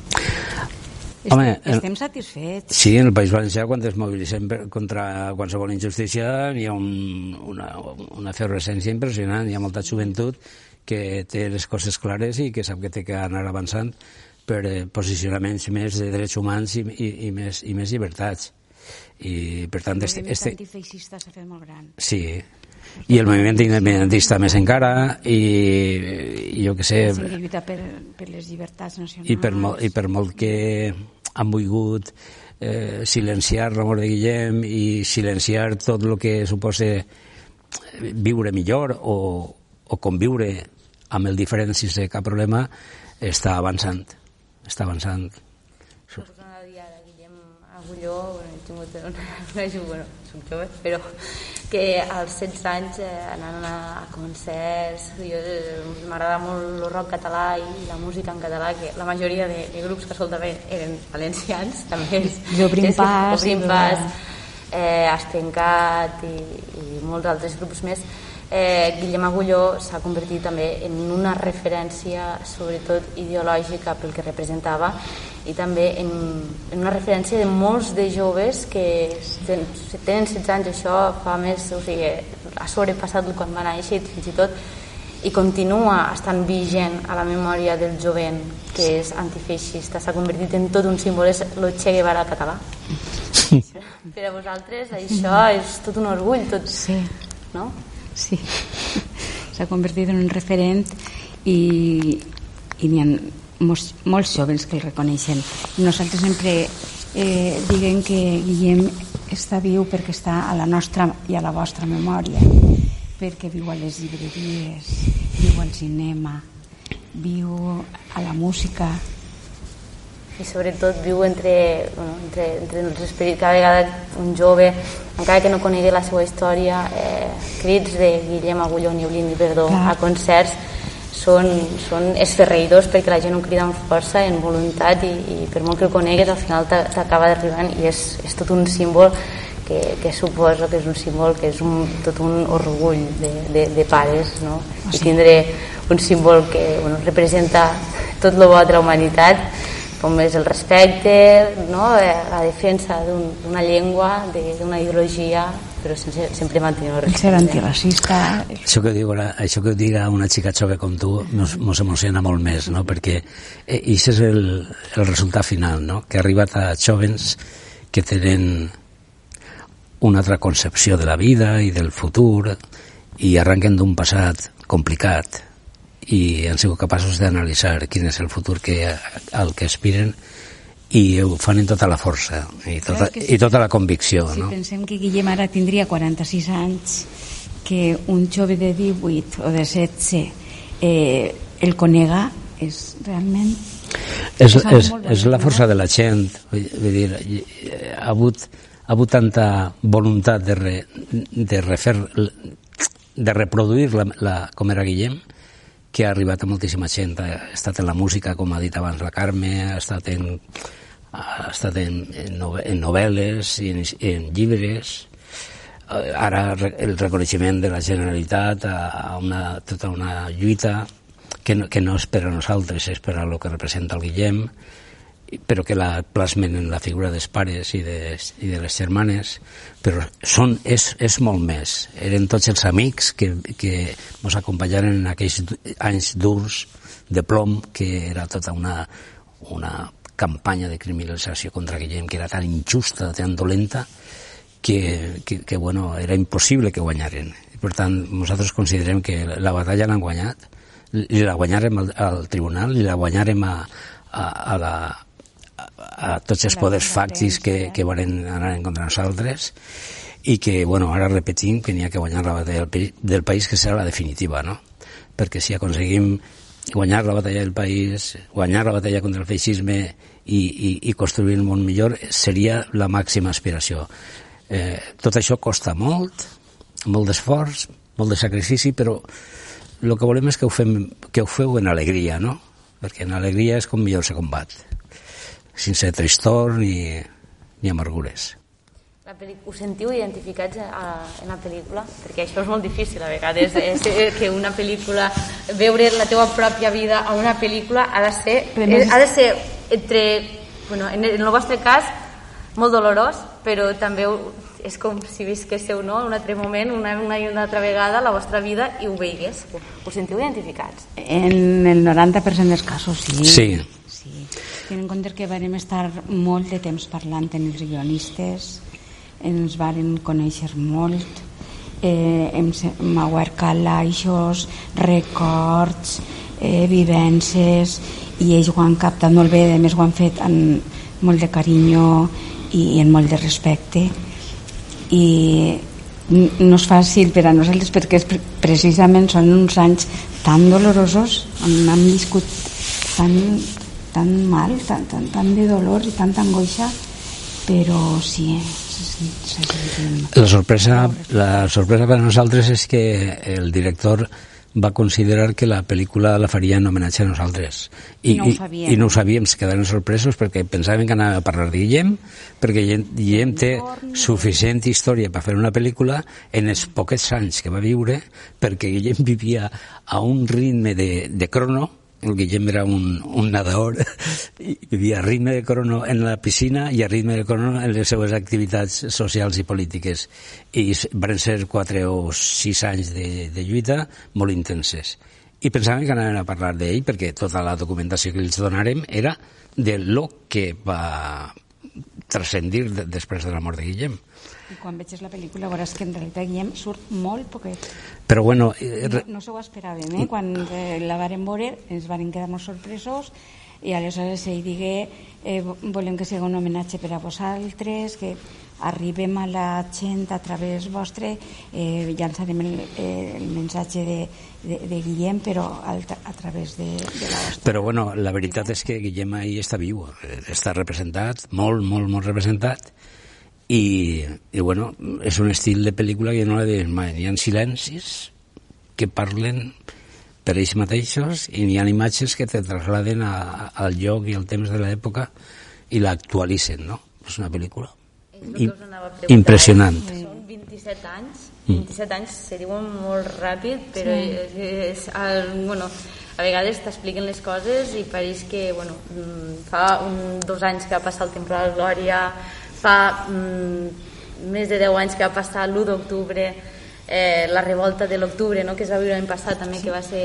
bastant colpidora pareix això no? que, que passa molt ràpid que el temps que ens feien oblidar les coses però és una història la vostra història és una història que és molt d'actualitat i sobretot deixant de banda lo, la, lo, la ideologia que transferia Guillem Agulló és molta actualitat pel que fa eh, la bestialitat no? de, del poder judicial i el poder de policial a Espanya, ja no sigui a Catalunya com les càrregues policials que van haver a Vallecas no? amb la manifestació de la situació de salut. Això, si ara Guillem Agulló estigués aquí en, avui en dia, continuaria anant a crono, no? Com diu vas sí. sortint al carrer, no donaria abast de les manifestacions que es fan, no? Sí, sí i seria, i seria de primera línia i, i vindria apallissat a casa eh, lo que demostra és que vivim en un estat repressor eh, que reprimís eh, qualsevol eh, dissidència mm? De tota manera, jo te volia aclarir que durant aquests 27 anys no és que eh, hagin demanat anar així o allà, no, és que sempre ha hagut algú que ens ha reclamat i ens ha demanat vindreu al meu poble a parlar del que va passar o anireu a tal lloc, a tal associació. Eh, sempre ha hagut qui ens ha anat demanant i nosaltres encantats de, de la vida de poder-ho fer, però que ha sigut, ha sigut la gent eh, la que ens ha fet estar sempre ahí, perquè sempre ha hagut eh, persones que, que, que recordaven a Guillem i que han volgut saber més i saber, saber la veritat, perquè el que els, ens havien contat fins ara pues, no era real. I després te trobaves que anaves, per exemple, a Catalunya a una xerrada i algú te dia jo vas conèixer el teu fill. Com és possible que conegueres el meu fill? Sí. Sí, perquè ella pujava així al Principat i, i, i anàvem així i allà, la, la música ska, la música, el, el, el, la música de Neu Gòrria que, i, i totes les mogudes que pujava i pujava i deixava i anava i tornava. Moltíssima gent coneixia Guillem, que nosaltres els coneixíem la seva vida no tenia per què contar-ho contar tot, però bueno, sempre li diem, ten cuidado, no, no te claves massa, no? I no, no, jo no. Fer res a mi. Dia, jo, jo controle. L'esquena ampla perquè era nedador. I dia, jo controle. Triatleta, ella estava molt fort físicament i no pensava, clar, no pensava mai que una cosa així podria passar-li. Sí que sabia el perill dels nazis perquè sí que havia tingut segurament al barri del Carme algun... Sí, sí, se trobaren més d'una volta, sí. Però... Però, bueno, a mi... No, ell no m'ho conta no. mai, però amics que tenien dit, sí, no, si estos entraven al nostre local, al Vito Lombagui, i venien uh, i tiraven tot pa amunt i hi havia pallisses. Sí, estava... El control era, bueno, ja te dic, hi havia que se vestia d'uniforme per el dia i per la nit se llevava l'uniforme i, i, i anava a perseguir a l'homosexual, al rojo, al roig, al comunista, al independentista i, i clar, es tenien controlats. Segurament tindrien fins i tot un fitxer. Perquè en aquella època, eh, bueno, en València governava el PPI, teníem un, un, un cap de policia local que era, bueno, el coneguem tots, un tio que ja s'ha mort dels disgustos que ha tingut de tanta corrupció. I, i bueno, jo crec que cada un el temps els ha ficat en un lloc que toca. I per finalitzar una mica l'entrevista, perquè jo estaria aquí amb vosaltres gravant hores i hores. És una pel·lícula que esperem que arribi, que sigui màxima difusora, però hi ha molts joves que, eh, bueno, ja ho vam veure l'octubre passat, que és quan són proves fehacients, però hi ha molt de moviment jove preocupat per avui en dia i que encarnen molt bé la, la, el sentiment de, de Guillem Agulló. Estos joves com, com a pares i com una mica pregats no? en, en aquesta història de, de la situació política i judicial que, i policial que hi ha aquí a Espanya, què els diríeu? Que tinguin en compte que el feixisme mata, que vagin en compte però que que la por no és una bona, no és bona companyera, que hi ha que tirar endavant i defensar les idees, però sempre tenint en compte que són molt perillosos, que fins i tot maten. Sí, clar. La, la por és el que realment es, es paralitza, no? els jovens. I jo crec que són molt valents. Jo quan es veig dic, ostres, este, és, este era el Guillem en aquella època, com planten cara. Bueno, que tinguin cuidado, que els pares patim molt. Finalment, podem dir que el titular de l'entrevista quedaria amb les paraules del seu pare. A Guillem el van matar per ser diferent, perquè era antifeixista, independentista i antiracista.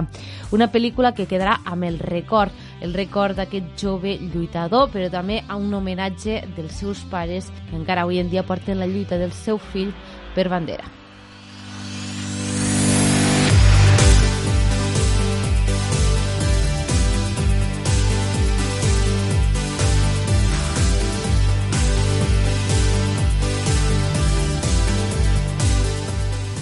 Doncs moltes gràcies a Júlia Alvesa per esta conversa amb Guillem Agulló Pare i Carme Salvador, mare del jove activista. I abans d'acabar esta tercera hora de l'Aldia Terres de l'Ebre, els oferim ara el tema No s'apaguen les estreles de Xavi Sarrià i que és el tema principal de la banda sonora original de la pel·lícula La mort del Guillem.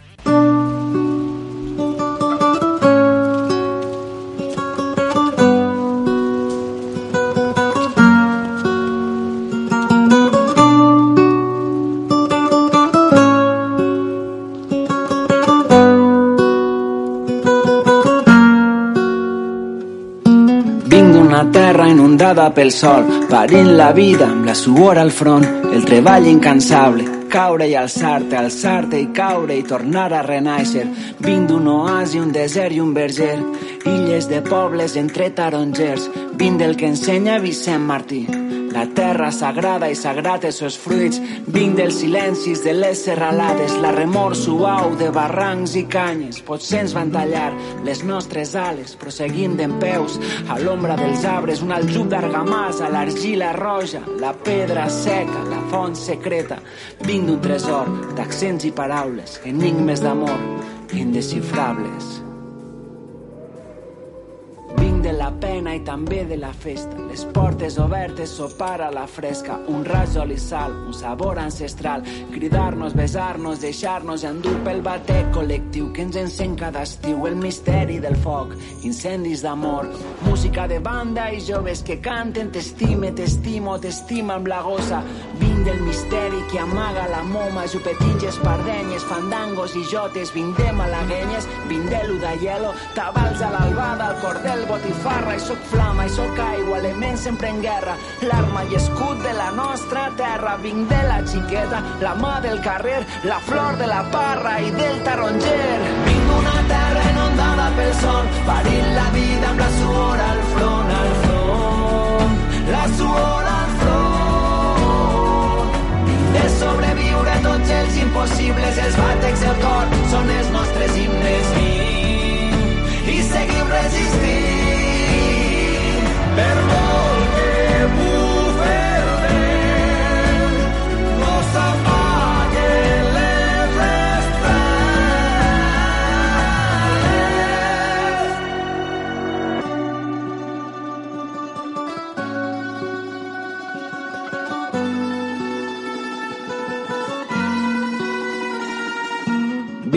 Llegat de lluitar inesgotable, històries prohibides que no ens explicaren el Mansur a l'Arrac, maulets en armes, els guetos jueus i les bruixes cremades, seglers resistint a la nova planta, guardant la llengua de la burla i la vara, vinc de la saviesa, de les masoveres, els sabers populars que sempre perseveren. I amb este tema no s'apaguen les estreles, tema principal de la pel·lícula de la mort d'en Guillem, posant el punt i final al programa d'avui. Ja sabem que nosaltres tornem a l'Aldia Terres de l'Ebre demà a la una del migdia amb tota l'actualitat. Fins demà. Somriure de Carme Miquel, les cançons de lluita de Vicent Torrent, el batec immortal de milers de Guillems. Vinc d'una terra inundada pel sol, patint la vida amb la suor al front, al front. La suor